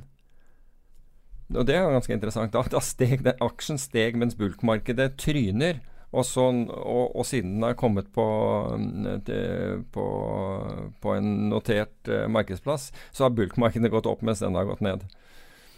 Da tenker du at uh, den verdsettelsen som, som, da var mens, mens, bulk, mens bulkratene falt, kanskje ikke var helt uh, presis. Mm. På den måten. Men uh, ja, så Men det er det derre Jeg forstår Altså, Egentlig så er jo det der som myndighetene var veldig opptatt av, her, også her i Norge, hva er et hedgefond? Hva, liksom, hva er det du kan gjøre da? Og du skulle disclose det. Og det syns jeg er helt fair. At du må helt klart gjøre oppmerksom på hva du driver med, og hvordan du har tenkt å gjøre. Um, men jeg tror at du som investor blir litt overrasket når du, når du sitter på, på hedgefond og, og, du, og, du, og, du, ser den type utvikling. Men er det ikke på tide å brande om hedgefond og kalle det noe annet? Herregud, det navnet dratt gjennom ja, Sørland. Mm, det er for så vidt det. På grunn av uh, enkelthistorier om høye lønninger og, ja, og ymse. Ja, ja, sikkert. Sikkert. Men uh, Apropos Er det her den mest tragiske grafen som finnes i norsk finanshistorie, kanskje med unntak av sider? Eller Norwegian femårscharter er ja. så deprimerende. Og når du se, altså det som har skjedd i Norwegian, altså Bjørn Kjos, som har i praksis tapt alt for ett år siden, kunne casha ut Jeg vet ikke hva han personlig satt igjen med det, hvis han hadde casha ut 3-5 milliarder eller noe sånt. Og nå er det familietragedie og alt. Og, og ja, men det, er det vel ikke? Også. Ja, så- altså han har jo krangla med broren og offentlige aviser. Og det der, ja. Det er vel broren som gikk ut, og ikke, ikke Bjørn Kjos. Jo, men det er, de kan jo umulig ha et godt forhold etter det der. Men uansett. Eh, og Bjørn Kjos nå dro på jakt mens dem Og det er jo rett, han har jo, Jo, men hør her. eh, Du må jo regne med at broren til Bjørn Kjos var investor som sto på egne ben. Ja, men det var jo det at Han kjøpte aksjer. Han, han gjorde det gjennom forsida av avisene. Ja, men han kunne vel ha solgt aksjene akkurat når han ville. Han, han kunne vel ikke selge i det, for han eide i det interne selskapet. Ja, men jeg trodde han realiserte til slutt, jeg. Jeg er ikke helt sikker. Ok. Men uansett. Jeg tror han ville han skulle ta han hadde jo helt rett, si ja til budet. men Ja. uansett. Eh, sånn at også Det som er spesielt, så Det er en situasjon vi har bevisst unngått å snakke så mye om. Men eh, jeg har lyst til å snakke om det, og du kan, trenger ikke å si noe hvis du ikke vil snakke om det. Men det siste året har vært en besynderlig affære mellom Norwegian og fondet Sissener. Um, så Sissener er veldig uttalt i avisa, så du vet ofte hva han gjør, fordi at han sier hva han gjør. Mm. Noe som er uvanlig i seg sjøl. Og var veldig veldig negativt Norwegian i lang tid. Over, over et år. Og eh, da sa jeg short, og, og var veldig klar på at han hadde vedda med fondet sine penger mot Norwegian. Så vidt jeg kan huske, så innløste han den shorten når de fikk det budet fra britene. Nei, var ikke det for, gjorde han det? Jeg trodde det var i forbindelse med emisjonen eller noe sånt. Altså han brukte, Jeg tror han tegnet seg i emisjonen, ja, og dermed så Ja, det, det var seinere For dermed så påvirket det altså det, Og det, det er jo smart, fordi um, ved å tegne seg i emisjonen, så presser du ikke opp uh, aksjekursen. Jeg vet ikke om han fikk bare Men i hvert fall, han hadde eh, så, Men han ble vel skviset litt i det der uh, i, Når det var snakk om bud, mente jeg. Da ble Ja, i hvert fall han, tapt, han tapte. Han var short på veien ned, og så ble han kutta. Så i Men- januar så hadde han en liten short-posisjon. I januar i år. Fortsatt. Og uh, I hvert fall Han tapte på det, og så ble han med i emisjonen. Ja. Og det, er, det er for øvrig en veldig altså bare så det jeg har sagt, det er en smart måte å få dekket en short på. Altså. Det er okay. faktisk en smart Ja, fordi altså du Ellers så må du kjøpe aksjer Altså når du er short, så låner du aksjer og selger de på børs med den forpliktelsen at du må kjøpe disse aksjene tilbake igjen og levere det til den du har lånt de av. Mens i dette tilfellet, ikke sant, så har du shortet aksjene, og, og da slipper du på en måte å pre... Fordi, en, fordi ved emisjonen så er jo kursen satt. Og da slipper du på en måte å presse aksjene oppover eventuelt, ikke sant? fordi du er kjøperen av aksjer i øyeblikket fordi du må levere dem tilbake igjen. Her kan du, bang, her har du en emisjonskurs, og den blir det satt til. Og så er det bare å tegne så Men han da tegna mer enn Ja, altså mer enn shorten, da. ja, ha, Så han ja, ble jo long. Ja, pluss at han utstedte opsjo- opsjoner. For han gikk jo, ja, det er helt riktig, for han gikk jo long, og da gikk han jo ut og sa at dette her skulle kraftig oppover. Og så i tillegg til å, å Men der, der er det sikkert uh, media som har tolket han uh, feil, eller uh, Eller vært Men uansett, han svarer nå hver gang de ringer, tilsynelatende. Ja, men han, han, han sa jo at han var nesten på maksgrensen av hva han hadde. Ok. Av hva, hva fondet kunne ha av, eh, av aksjer. Så men, men så hadde han i tillegg. Nei, han i, nei de, eh, obligasjoner tror jeg han har hatt veldig lenge. Okay. De har hatt veldig lenge. Og fordi de har jo gitt en, en, en høy, eh, høy avkastning. Um, og så shortet han en, en strengel. altså han solgte både salgsopsjoner og kjøpsopsjoner. Og så tryner Norwegian etter den fordi det var, den, det var den eh, emisjonen hvor, hvor noen hadde blitt fått eh, veldig mye bedre vilkår enn andre. Og prisen var veldig mye lavere. Ja, og vi snakket også. om Og så de gutta snur seg, og i hvert fall mm, eh, de smarteste av dem, og bare tømmer ut aksjer, og så går dette her ned. Og han går da Han syns jo da Han kaller jo disse cowboy, de som har solgt disse aksjene. Fordi nå ligger han med tap, men ikke bare det. Salgsopsjonen går nå i pengene, altså kursen faller under, under salgsopsjonen. Altså den innløsningskursen, så han må, seg han må kjøpe enda flere aksjer til en høyere pris. Nå hadde han jo fått en del premie for dette her også. Men summa summarum så blir jo dette her, som du sa, det blir jo liksom et mareritt, fordi du, du blir Du er kraftig long, altså du har maksimal posisjon pluss mer hvis, skal, hvis, hvis han var tolket riktig, i et selskap som nå faller og faller. Og Så kom vi til de siste ukene, da.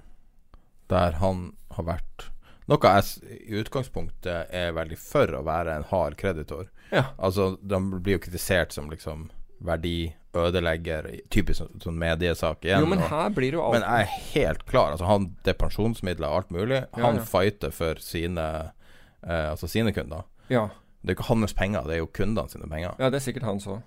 Ja, kanskje 10 eller Helt 20 sikkert. av fondet, men Helt sikkert. Men, men poenget her er at eh, Og, og der er jeg, jeg jeg støtter jo det der at eh, at, eh, at at man forlanger mer, fordi det Altså, vi må jo huske hva som skjer her, og det er at Norwegian Uh, antageligvis ikke kan gjøre opp for seg. Altså, det er euroobligasjoner i år, og så er det svenske kroner neste år. Men poenget er at de ønsker å få dette forlenget, og det er jo klart det at hvis du sitter på de obligasjonene, så har du ikke tenkt å Altså, hva er, hva, vi må se på hva, hva er utfallsrommet her. Utfallsrommet er at hvis eh, obligasjonseierne nekter, så må Norwegian komme opp med pengene, i hvert fall euroene, som for å levere for det Altså for, for å eh, For å betale tilbake pengene i november. mm. Hvis ikke, så går Norwegian i default. Og da kan du si at da sitter jo obligasjonseierne med en, eh, i en interessant posisjon. Og aksjeeierne de kommer til å tape alt. Dette var usikrede obligasjoner for øvrig. Men allikevel, de, kommer jo, de ligger bedre an i kapitalstrukturen enn aksjonærene. Så aksjonærene vil tape alt.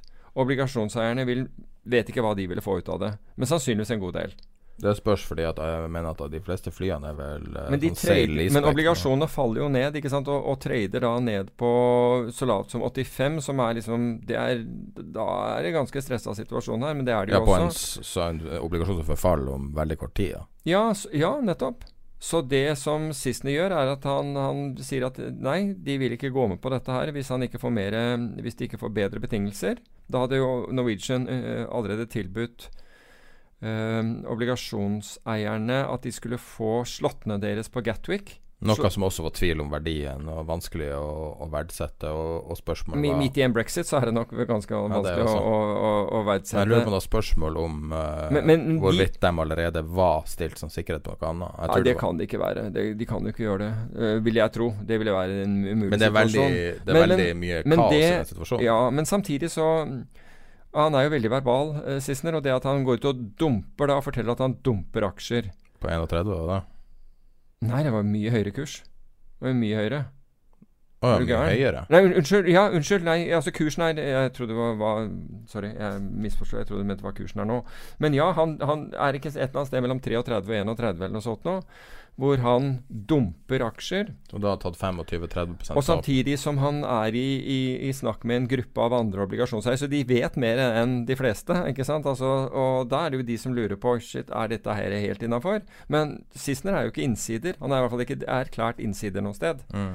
uh, i, i Norwegian. Eh, Hvor stor frihetsgrad du har når du, når du samtidig begynner å snakke med andre og kanskje kan klare å få til et eh, Å kunne veto noe, det vet jeg ikke, men det får andre ta, ta, ta stilling til. Men han dumper nå i hvert fall aksjene. Skulle tro at det er jo vanlig Det er jo bare smart business. Hvorfor skulle ikke det være lov? Mulig. Mulig. Men det, det, var jo, det var jo de som gikk ut i pressen og sa at de ikke ville De følte at denne situasjonen var ubehagelig og ville ikke uttale seg om det. Og det var store obligasjonseiere. Mm. Men resultatet er jo at obligasjonene fortsatte å falle. Og aksjene har skutt opp. Så han har realisert dette her 41 opp 5% på i dag. ja, så han har realisert dette Har realisert tapet på aksjene omtrent på, på, på bunn, og obligasjonene har, har fortsatt å falle. Men det er klart at hvis, hvis disse obligasjonene, som på dette nivået tipper jeg er yter nesten Hva kan det være? Altså i euro Hvis du swapper de til norske, så tipper jeg at du kommer nær 20 avkastning av årlig, årlig yield. Ja. Hvis du swapper de fra euro til norske kroner, for der, da henter du ca. litt over 2% i året. Det er grei yield da i dagens Da, ja, marked. det er grei gild hvis du får pengene dine, ja. Hvis det er bedre sikkerhet, så er Det det er jo som å være det- Mastercard. Ja, så Eller så, Bank Norwegian. så han har jo muligheten til å, til å få dette her til, eh, tilbake igjen. Omsider, da. Omsider. Er det i, da, er i dag det er eh, Er det ikke i dag, da? Eh, Det er hvor Om dette går igjennom eller ikke? Ja, de har stemt før, da. I dag.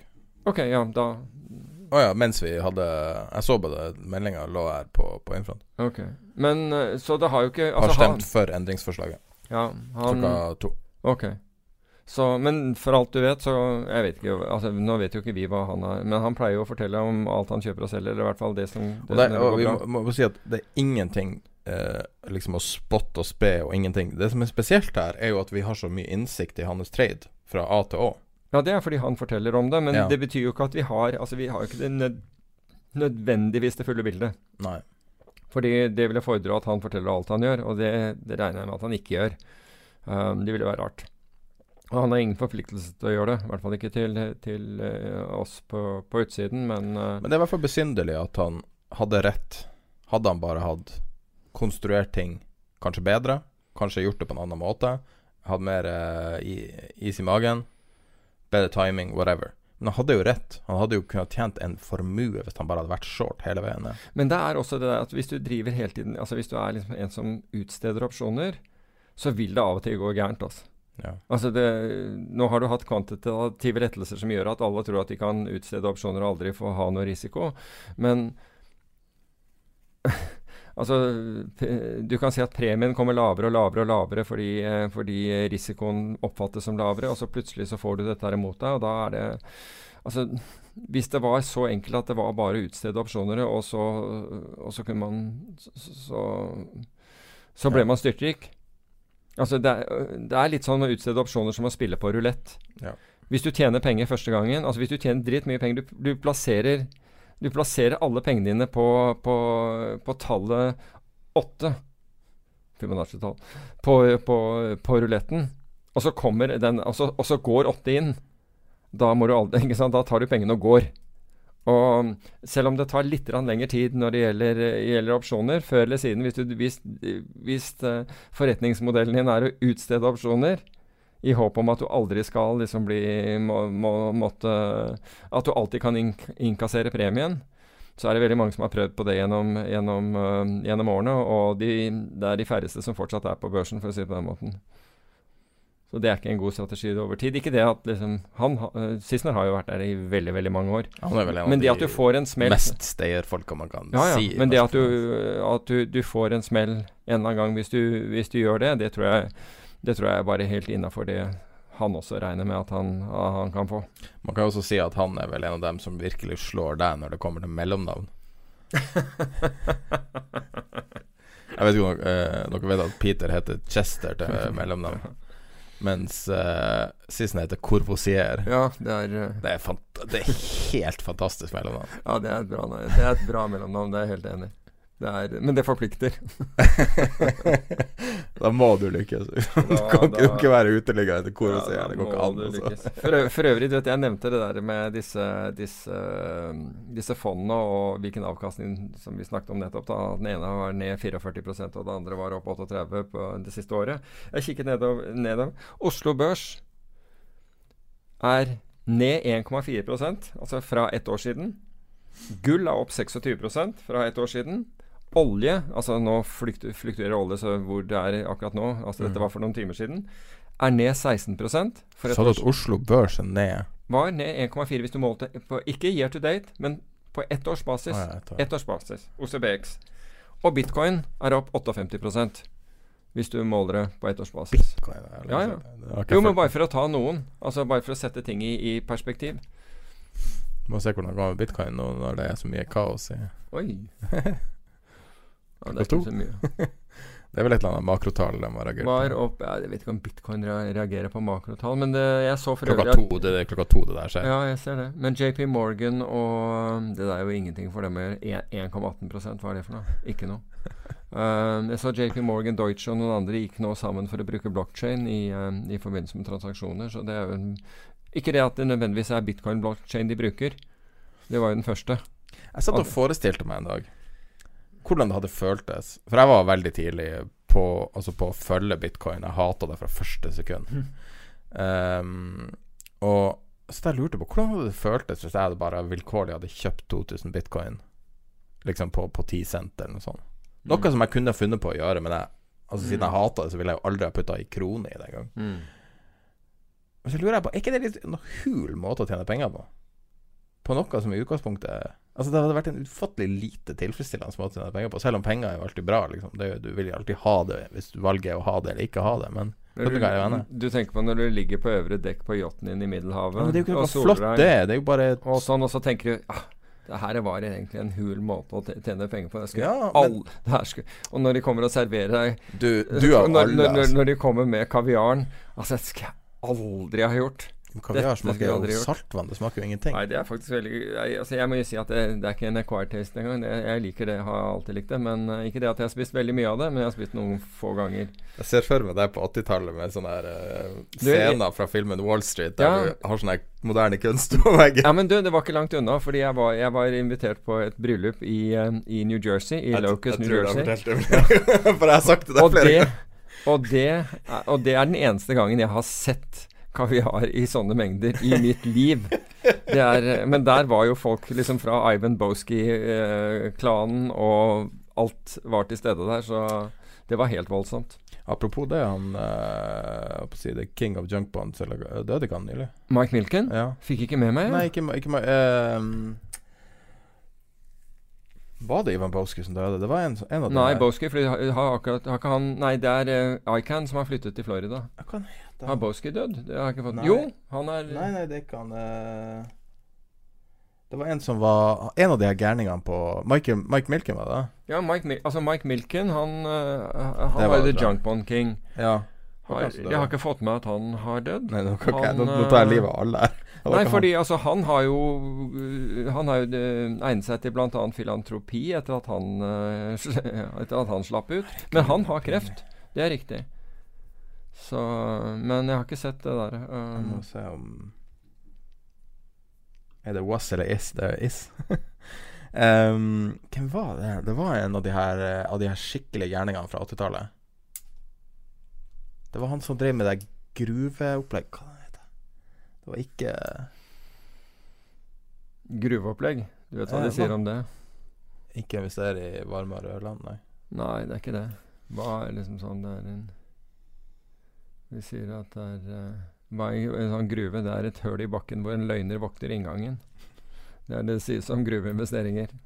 Alltid noen som har et eller annet gruveinvestering et eller annet sted i Afrika hvor ah, det er helt fantastisk, og nordmenn putter penger inn. Fantastisk. Det er et svært hull, svart hull i bakken og en løgner som vokter inngangen. Jeg hørte om en kul investering. Jeg vet ikke om jeg fortalte det. Det var en kar jeg møtte som hadde bodd i Sør-Afrika, som eide masse Som eide masse eh, kyr. Jeg investerte i, i kjøtt direkte. Og det var visst helt sånn fantastisk investering. Yes. Michael Burry investerer i Farmland, så det er ikke så langt unna. Hvem var det som døde? Farmland og, og, og gull. Hvordan i alle dager finne Um, Ja, det er en som døde. som vi får opp når jeg googler. er Jeffrey Epstein. Jeg tror jeg skal holde det her, det her Google-greia. Vanligvis så klipper jeg bort alt sånn her eh, leiting og prøver å huske navn. Men eh, det var en, en av de store karene fra 80-tallet som døde. I hvert fall eh, Mike Epstein, har du fått med deg hvem som blitt dratt med? Den siste som ble dratt med Jeffrey. Jeffrey Epstein. Hvem som er den siste som ble dratt med inn i saken? Nei, jeg tror ikke det. Hvem, da? Hvem var det? Eckman. Veldig tett. Kona hans jobba i MIT, det der eh, Media Lab, eller hva det var. Så han driver og prøvde å rydde opp. Bill Ackman? Ja. Really? Det fins e-poster der han og han der eh, MIT-karen driver og diskuterer hvordan de skal eh, sanitize hele greia, og, og kona tok Og i- Kona visste om det I forbindelse med at uh, Fordi Jeffrey Epstein han ga penger til et fakultet, var det ikke det? MIT Media Lab. Ja, akkurat. Og det er, det, er den du Det er sikter liksom på en måte ja. den største Ja, ok. Men han er blitt dratt med inni der, og altså selv om at og, Altså, ja, synes, det syns jeg er den mest overraskende, egentlig. Jeg syns Mhm. han virker så Så utrolig hel ved. Ja, ja, det lille jeg har sett av han, er jeg helt enig i. Nå eh, har jo holdt på en god stund her. Jeg, jeg holdt bevisst på Skal vi ta kunne- det derre Nå har vi jo hjemmelaga Red Bull her. ja. Skal vi ta det derre spørsmål fra, fra Vi kan, nå, nå ville du vi skulle følge rekkefølge i dag. Ja, det er opp til deg. Det var du som sa at vi var Jeg fikk inntrykk av at vi, vi gikk på overtid. Eh, kan du forklare hvorfor volumet på kraftbørsen er så mye ned? Er det det at Einar Aas sto for en femtedel av handelen? Ja, altså det er, det, er det du får inntrykk av når du leser, uh, når du leser uh, den artikkelen. Um, den, den, altså Volumet har falt med 21 siden Einar Aas forlot markedet. Um, det er akkurat et år siden. Ja. Og en del, tror jeg. Ja, det er akkurat ja. Og det er akkurat elleve år siden. Elleve år siden Lehman og, og, den biten der også. Men uh, alt faller på plass på den derre Men, men det, det, som er med Einar Aas Han var jo en stor trader. Ingen tvil om at han tok unna mye. Um, men han var jo Han, han tok jo i, tak i ting som han hadde tro på. Det var ikke sånn at han bare tilførte Han satt vel ikke der bare og tilførte volum, tror jeg. Men jeg tror at delvis er det det at du, du, du mangler Einar Aas, og det har sikkert en betydning for markedet. Men jeg tror det er enda større er at Nasdaq har blitt langt mer restriktiv, altså clearinghuset. Langt mer restriktiv. Nå kan jo ikke enkeltpersoner være medlemmer mm. clearingmedlemmer, og at de har liksom skrudd opp marginer. Og da, da, da skjer det. Det, er helt, altså mm. det, det, skjer i alle markeder som har hatt så dominante figurer. Hvis det, det går galt, så får de en voldsom dipp etterpå. Når det gjelder, I en kort periode. Ja, når, når, når det gjelder volum. Jo, men du kan si at hvis, hvis, uh, hvis uh, marginene, altså sikkerheten som de nå krever, blir prohibitiv for handel, så varer det. Da, da, kan du faktisk nesten ødelegge et marked ja. ved å gjøre det. Wow. Så, um, så hvis, hvis uh, traderne ikke føler at de får betalt for å, for å være i det markedet, så forlater de det og går til andre. Så enkelt er det. Hva tror du skjer med han? Hva tror du han har gjort det siste året? Etter han er ferdig med å selge og lese litt om? Aner ikke, aner ikke. Jeg kjenner han ikke, så, men han er, en, han er, jo en, spennende fyr han, og, som sitter på mye kunnskap. Og så, du, så, må man se om den kunnskapen hans er current enough. ikke sant? Fordi markedene skifter jo hele tiden. Eh, det er jo blitt mer algoritmehandel bl.a. Um, I, i, i krafthandel også, og da plutselig så tar man det vekk fra, fra den gamle måten med, med, med tilbud og, og, etterspørsel. Og da kan det jo være at, at, det blir mindre relevant, men jeg vet ikke. Um, det blir spennende å se. Jeg, jeg, tror helt sikkert han følger med. Du har eh, Vi har ett tema igjen før jeg skal ta opp eh, spørsmål fra lyttere. Uh, og du har skrevet Så du har skrevet inn uh, som kredittobligasjonsmarkedet, siste marked uten innsyn. Hvorfor? Ja. Får jeg lov å svare på det? Ja. 2 uh, margin? Eller? Nei, de har jo ofte Nei, altså marginene er, er, vel ikke det, men jeg tror at Er ikke det er ikke altså, det, det har vært for å utstede? Og, og, sånn, ja, Jo, men du kan si at det er jo Den biten har du innsyn i, men du har ikke innsyn i handel. Det er det som er problemet. Du kan si at hvis du ser til Europa, ser til USA, så er dette kommet på skjerm. Det er kommet på handelssystemer. Slik at nå kan investor se hvor kjøper og selger er. I det norske markedet så må du ringe en megler som da må prøve å finne ut hvor flyten er. Og det kan være helt tilfeldig hvor du handler hen i det markedet. Det kan være et voldsomt spenn mellom hvor det handles på, på, en, på en enkelt dag i samme obligasjon. Rett og slett fordi du får ikke innsyn. Og de som har vært helt imot at dette skulle eh, settes hvor, Hvorfor kunne du ikke ta og putte uh, kjøps- og salgsinteresse på, på, skjerm, som du gjør i alle andre markeder? Det er meglerne som er imot. De mener at dette ikke skal liksom At uh, at dette markedet er ikke modent nok for dette. Mens de, i utlandet så er det Og Norge er jo ganske altså I forhold til størrelse av finansmarked, så er det et stort marked i Norge for kredittobligasjoner. Men det, det, er klart at Ja, for igjen, utsteder hvem så djevelsk mye. Altså Poenget er hvem er det som tjener på det? Hvem er det som tjener på at disse markedene ikke er på skjerm? Og det er ikke investorene, altså, det kan jeg fortelle deg. Så at myndighetene her altså det, Nok en gang øh, lander vi på den. Hvorfor har de ikke gjort noe med det? Altså Norge er jo et land Altså Finans-Norge er jo et land med gjeldsselgere, ja. egentlig. Ja. Det er jo ikke så Altså hvis du logger deg inn på, på en, av, uh, en, av, de utallige løsningene til norske nettmeglere, mm. så har de jo Du har liksom Altså, du ser at det her er ti år bak. Men tenk deg at en obligasjon kan liksom handle i et, et spenn på 10% på en dag. Ja. Og du har ingen peiling. Du har ingen peiling at den obligasjonen du akkurat uh, driver og handler, uh, handler på 75, mens megleren sier at jeg kan, jeg kan, kanskje få noe til deg på 82. Jeg skulle finne en norsk obligasjon på et utenlandsk system. Og det kan godt hende at det er Og jeg fant det ikke, ja, og det nei. kan være årsaken. Ja, altså det kan godt hende at det fins uh, Men det var ingen trading da Men det kan godt hende at det er selgere i markedet på 70 Altså i det tilfellet mitt, da, at det fins selgere i markedet på 79. Det er bare at du vet ikke, for, fordi Fordi det er ikke på skjerm. er det for å forhindre algoritmetrading? Nei, det har ingenting med det å gjøre. Det er lettere å ta ut marginer. Ja. Det er mye lettere å ta ut marginer når du ikke ser det. Nei, det, er, det har ingenting med det med algoritme å gjøre. Um, jeg vet ikke om det egner seg så godt for det, for det heller, men uh, altså, altså, Gjør ikke alle er- markeder det på et eller jo, men det er ingen, altså det er ingen reell grunn også, til at eh, man ikke skal ha åpenhet om dette markedet hvor, hvor kjøper og selger befinner seg. Hvis du hadde øre til kongen over norsk finans Jeg vet ikke hvem det er. Hvis du hadde øre til den som bestemte Hvis du kunne bestemme, hvordan ville du at ting skulle se ut? Nei, det, sånn- det blir jo for, for generelt. Men jeg, jeg er for åpenhet. Altså jeg er for at uh, investor skal få maksimalt med, med informasjon. Så for liksom prissettingen og altså jeg, noe, jeg har ikke noen formening om egentlig om kurtasje, hvor, hvor den skal være høy eller lav, eller hva, den skal være på. Det er, så lenge det er konkurranse, så ordner det seg selv. Uh, jeg vil ikke ha høye barrierer til å, til, til å sette i gang sånn som det er nå. Helt vanvittig. Det er nesten umulig å sette i gang. Hva, fond eller alt Fond mulig? eller ja, altså alt sammen koster fryktelig mye. Altså det er et ineffektivt system.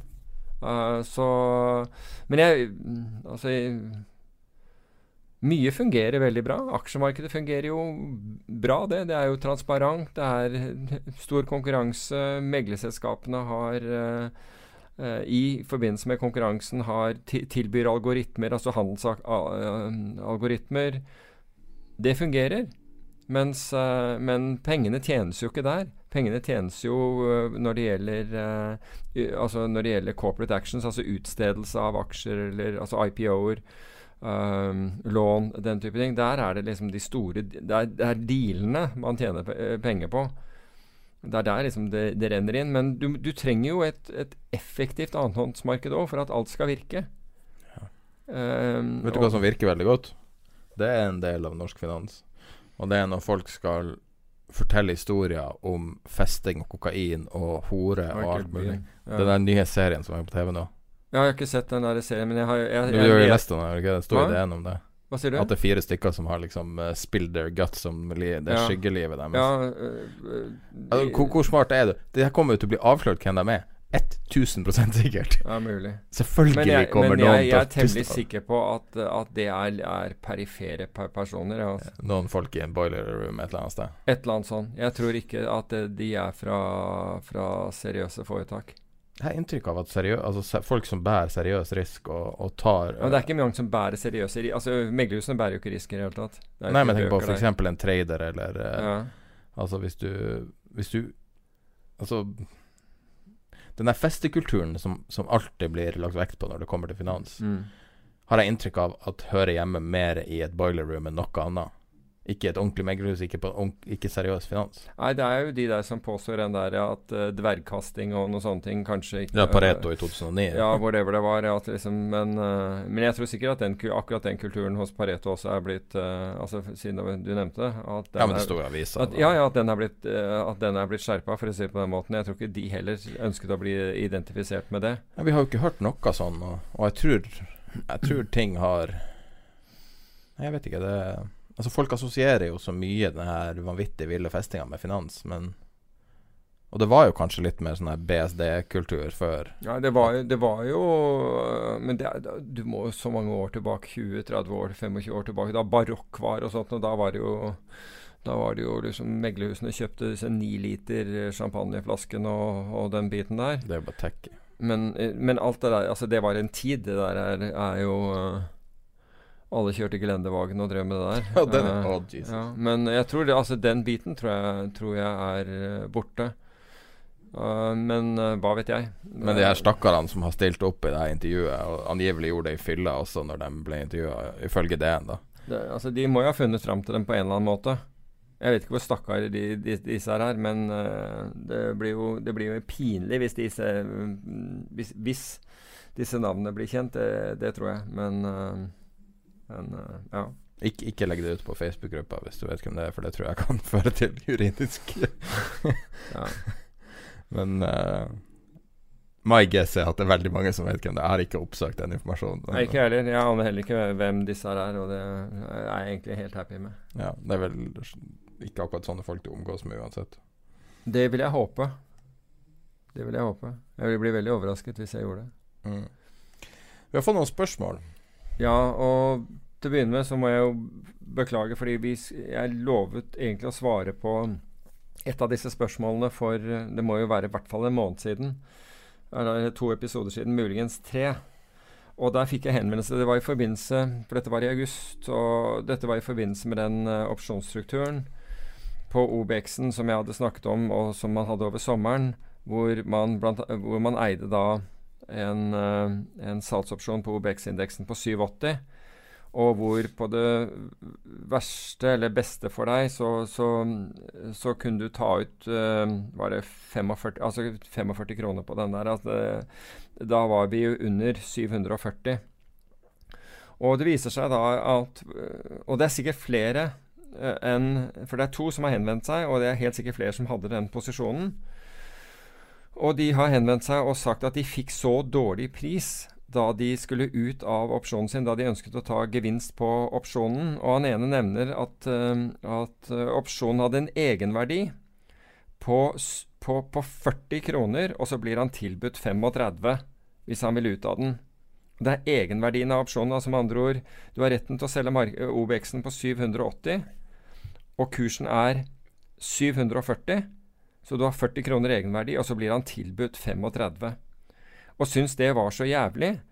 Uh, og, og, prøvde da og, og, og, han sa at problemet er at du kan jo ikke bare ringe til en annen megler i håp om at du får. fordi det å etablere nye Dette er jo myndighetene som har gjort. Gjort det så vanskelig å etablere altså, uh, et nytt forhold til, altså forhold til, ny, til flere meglere er en papir og en mareritt å, å, få til. Så det er ikke noe du, som, som skjer raskt. Så han, så han, sa at liksom, det hjelper jo ikke hvis, hvis du ikke blir behandla fair sånn. Og megleren visste jo hvilken posisjon han satt på, derfor så fikk han en veldig dårlig pris. Det, jeg vet ikke om det var årsaken han fikk en dårlig pris, men det var i hvert fall den han oppga. Men øh, måten du kunne gjort det på, eller dere, siden det var, siden det var flere, det er Dere trengte ikke å selge den opsjonen i det hele tatt. Dere kunne brukt future-markedet på OBX. For det er effektivt, og det er tight. Det er mye tightere. Dere ville fått kjøpt den uh, eh, OBX-futuren helt sikkert på, på 740 kroner, så, eller 700, 740 poeng. Kunne dere fått, helt sikkert få kjøpt den, eller 740,25 eller et eller annet sånt, fordi det er mye tightere, det markedet. Og hva skjer da? Fordi mange Altså, jeg argumenterte med en av dere og, og, foreslo det at det var det du skulle gjort. Og så sier han nei, men da, nye marginkrav kunne ikke det. Nei, du får faktisk ikke et marginkrav på det, fordi du har en salgsopsjon som er dypt i, i pengene. Med andre ord, du har ingen rist i nedsiden pga. den salgsopsjonen. Futuren forfaller nøyaktig sam, eh, på, på, samme tidspunkt og til, til samme pris som den salgsopsjonen. Slik at det du eier, er rett og slett en, en Idet du kjøper en, en, en future-kontrakt, da eier du rett og slett en, in the money call-opsjon. Det er det du eier. Så du har ikke nedsiderisiko på den i det hele tatt, fordi siden du eier den, går den opp, så tjener du fryktelig mye penger. og Går den videre opp gjennom 780, hvor putten din uh, kommer inn, så, så, suser jo dette her av gårde. Da har du en stor gevinst. Og hvis det faller, så er du dekket av den, uh, den, uh, den salgsopsjonen som du eier. Så på, venter du bare på, på forfall? Ja. Og det her var bare dager før forfall. Det var noe sånt som fire, fire dager før, før, forfall. Så, og hvis dette var en aksjeopsjon, så vil du gjøre det samme med aksjen. Da vil du rett og slett kjøpe aksjen. Mm. Um, slik at du er ikke avhengig av å få en god pris på, på denne på salgsopsjonen. Kan det være at megleren skrur deg med og så ber deg stille margin på begge? Nei, nei, det tror jeg ikke han gjør. Ikke? Fordi da kan du, du kunne jo tatt kontakt med, med NOS eller, eller Clearinghuset og sagt hva er dette her for noe? ikke sant? Altså, er det noe margin på dette her i det hele tatt? Jeg har dette her, så, så jeg tror ikke at uh, Du må betale kurtasje, da. Det må du gjøre. Men uh, uh, på, på handelen. Men det er måten. Og jeg og,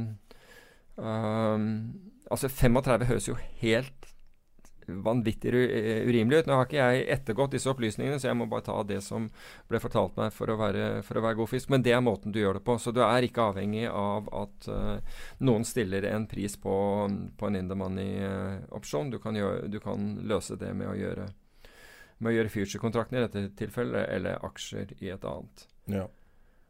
Um, og så var det et spørsmål til, og det har vi også sittet på et par uker nå, og det er um, en, en, artikkel eh, som Ray Dalio la ut, hvor han snakket om disse tiårsparadigmene eh, som, som har dukket opp i markedet, og viste til det langt, langt tilbake i tid. Og det, det, paradigmet som han nå mener er avsluttet, det, det, har de jo ikke, fordi det viste jo eh, Den europeiske sentralbanken i forrige uke. Det er det paradigmet med at man eh, med kvantitative lettelser. Um, men det er klart at et paradigme er egentlig over i det øyeblikket vi rentene blir negative. Da kan du argumentere for at paradigmet er over. Det betyr ikke at du ikke kan tjene penger på obligasjoner, men nå brenner det. Altså nå brenner du penger. Altså Hver dag du sitter med en obligasjon som har en negativ avkastning, så koster det deg penger istedenfor at du mottar penger hvis du sitter med en, en obligasjon med, med, positiv rente. Så, så, jeg tror det er sånne paradigmer, og, han, og Dalio viser jo bl.a. til at i disse paradigmene, Felles for disse paradigmene er at ingen tror at det kan bli Fordi det, de har pågått i ti år. Ingen tror at verden eh, kan bli annerledes. Mm. Og at det skaper en, en, en, farlig situasjon. Men jeg kunne jo like gjerne sagt at det, det skaper en, en, mulighet. Fordi farlige situasjoner som det, altså hvor alle er overbevist om én ting, det gir jo muligheter den andre veien. At du kan kanskje utnytte det. Så um, jeg tror absolutt at Dalio kan ha, ha rett. Um, akkurat som med Michael Burry. Vi, vi hadde jo den samme tanken. Akkurat når den inntrer, det vet man ikke. Så er det Den timinga til Burry er jo helt ja, insane. Den timingen til Burry var veldig bra. I motsetning til den forrige timinga, som han venta i to og et halvt, tre år på å slå ja, inn. Ja. Hvor han låste døra og slapp ikke ut investorene. Ja, Jesus. Men uh, det viser seg at det var til, til investorenes beste, da, og det tror jeg ofte, ofte det er. Nå er vi tett på to timer her, og Peter eh, begynner å svette i ørene, ser jeg. Nei, jeg gjør ikke det. Jeg er bare litt vondt i nakken. Ja. Her er vår samtale med Erik Hansen fra IG Markets. Takk for 60 episoder. Hvordan handler man eh, råvarer hos eh, IG? Uh, på, på IG då, så kan du handle råvarer via CFDs Og uh, en CFD tracker underliggende terminsmarknad, underliggende futuresmarknad. Uh, och uh, handlar till exempel oljan så fungerar det ungefär som en future. Det handlar med ett marginkrav, vilket innebär att du går in med en liten del av den eh, underliggande exponeringen. Vi har drygt 40 olika råvaror, allt från guld, olja, de mest populära. Vi har även råvaror som majs, socker och apelsinjuice. Och de här marknaderna handlas också dygnet runt, just för att terminsmarknaden är ofta öppen rundt.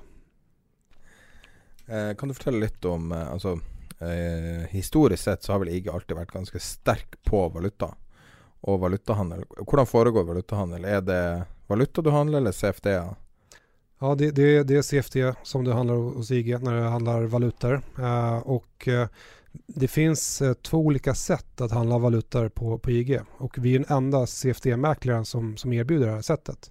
Eh, man kan handla då OTC, det vill säga over the counter eh, står det för. Eh, du har lite högre spreadar men du betalar inget courtage. Och det är det vanligaste sättet att handla valuta på och som du gör när du handlar hos FX och andra CFD-mäklare. Men vi erbjuder även Direct Market Access på valutor. Och då ser du orderboken på interbankmarknaden. Uh, så att du, du, betalar då en väldigt, väldigt låg spread men du betalar ett lite högre courtage. Så är man väldigt aktiv på, på valutamarknaden och handlar mycket, då är det bättre att handla då uh, med Direct Market Access som vi erbjuder på IG. Sen har såklart vi, vi erbjuder alla typer av uh, valutapar. Vi har väldigt många kraftfulla plattformar som till exempel Pro Realtime, MT4. Vi erbjuder ett API om man vill koppla upp sig med sitt egna system till, till och handla sina valutor. Uh, det finns väldigt många också som har automatiserade system uh, som de kör, någon typ av algohandel. Och det kan man till exempel då köra via MT4 eller Pro Realtime.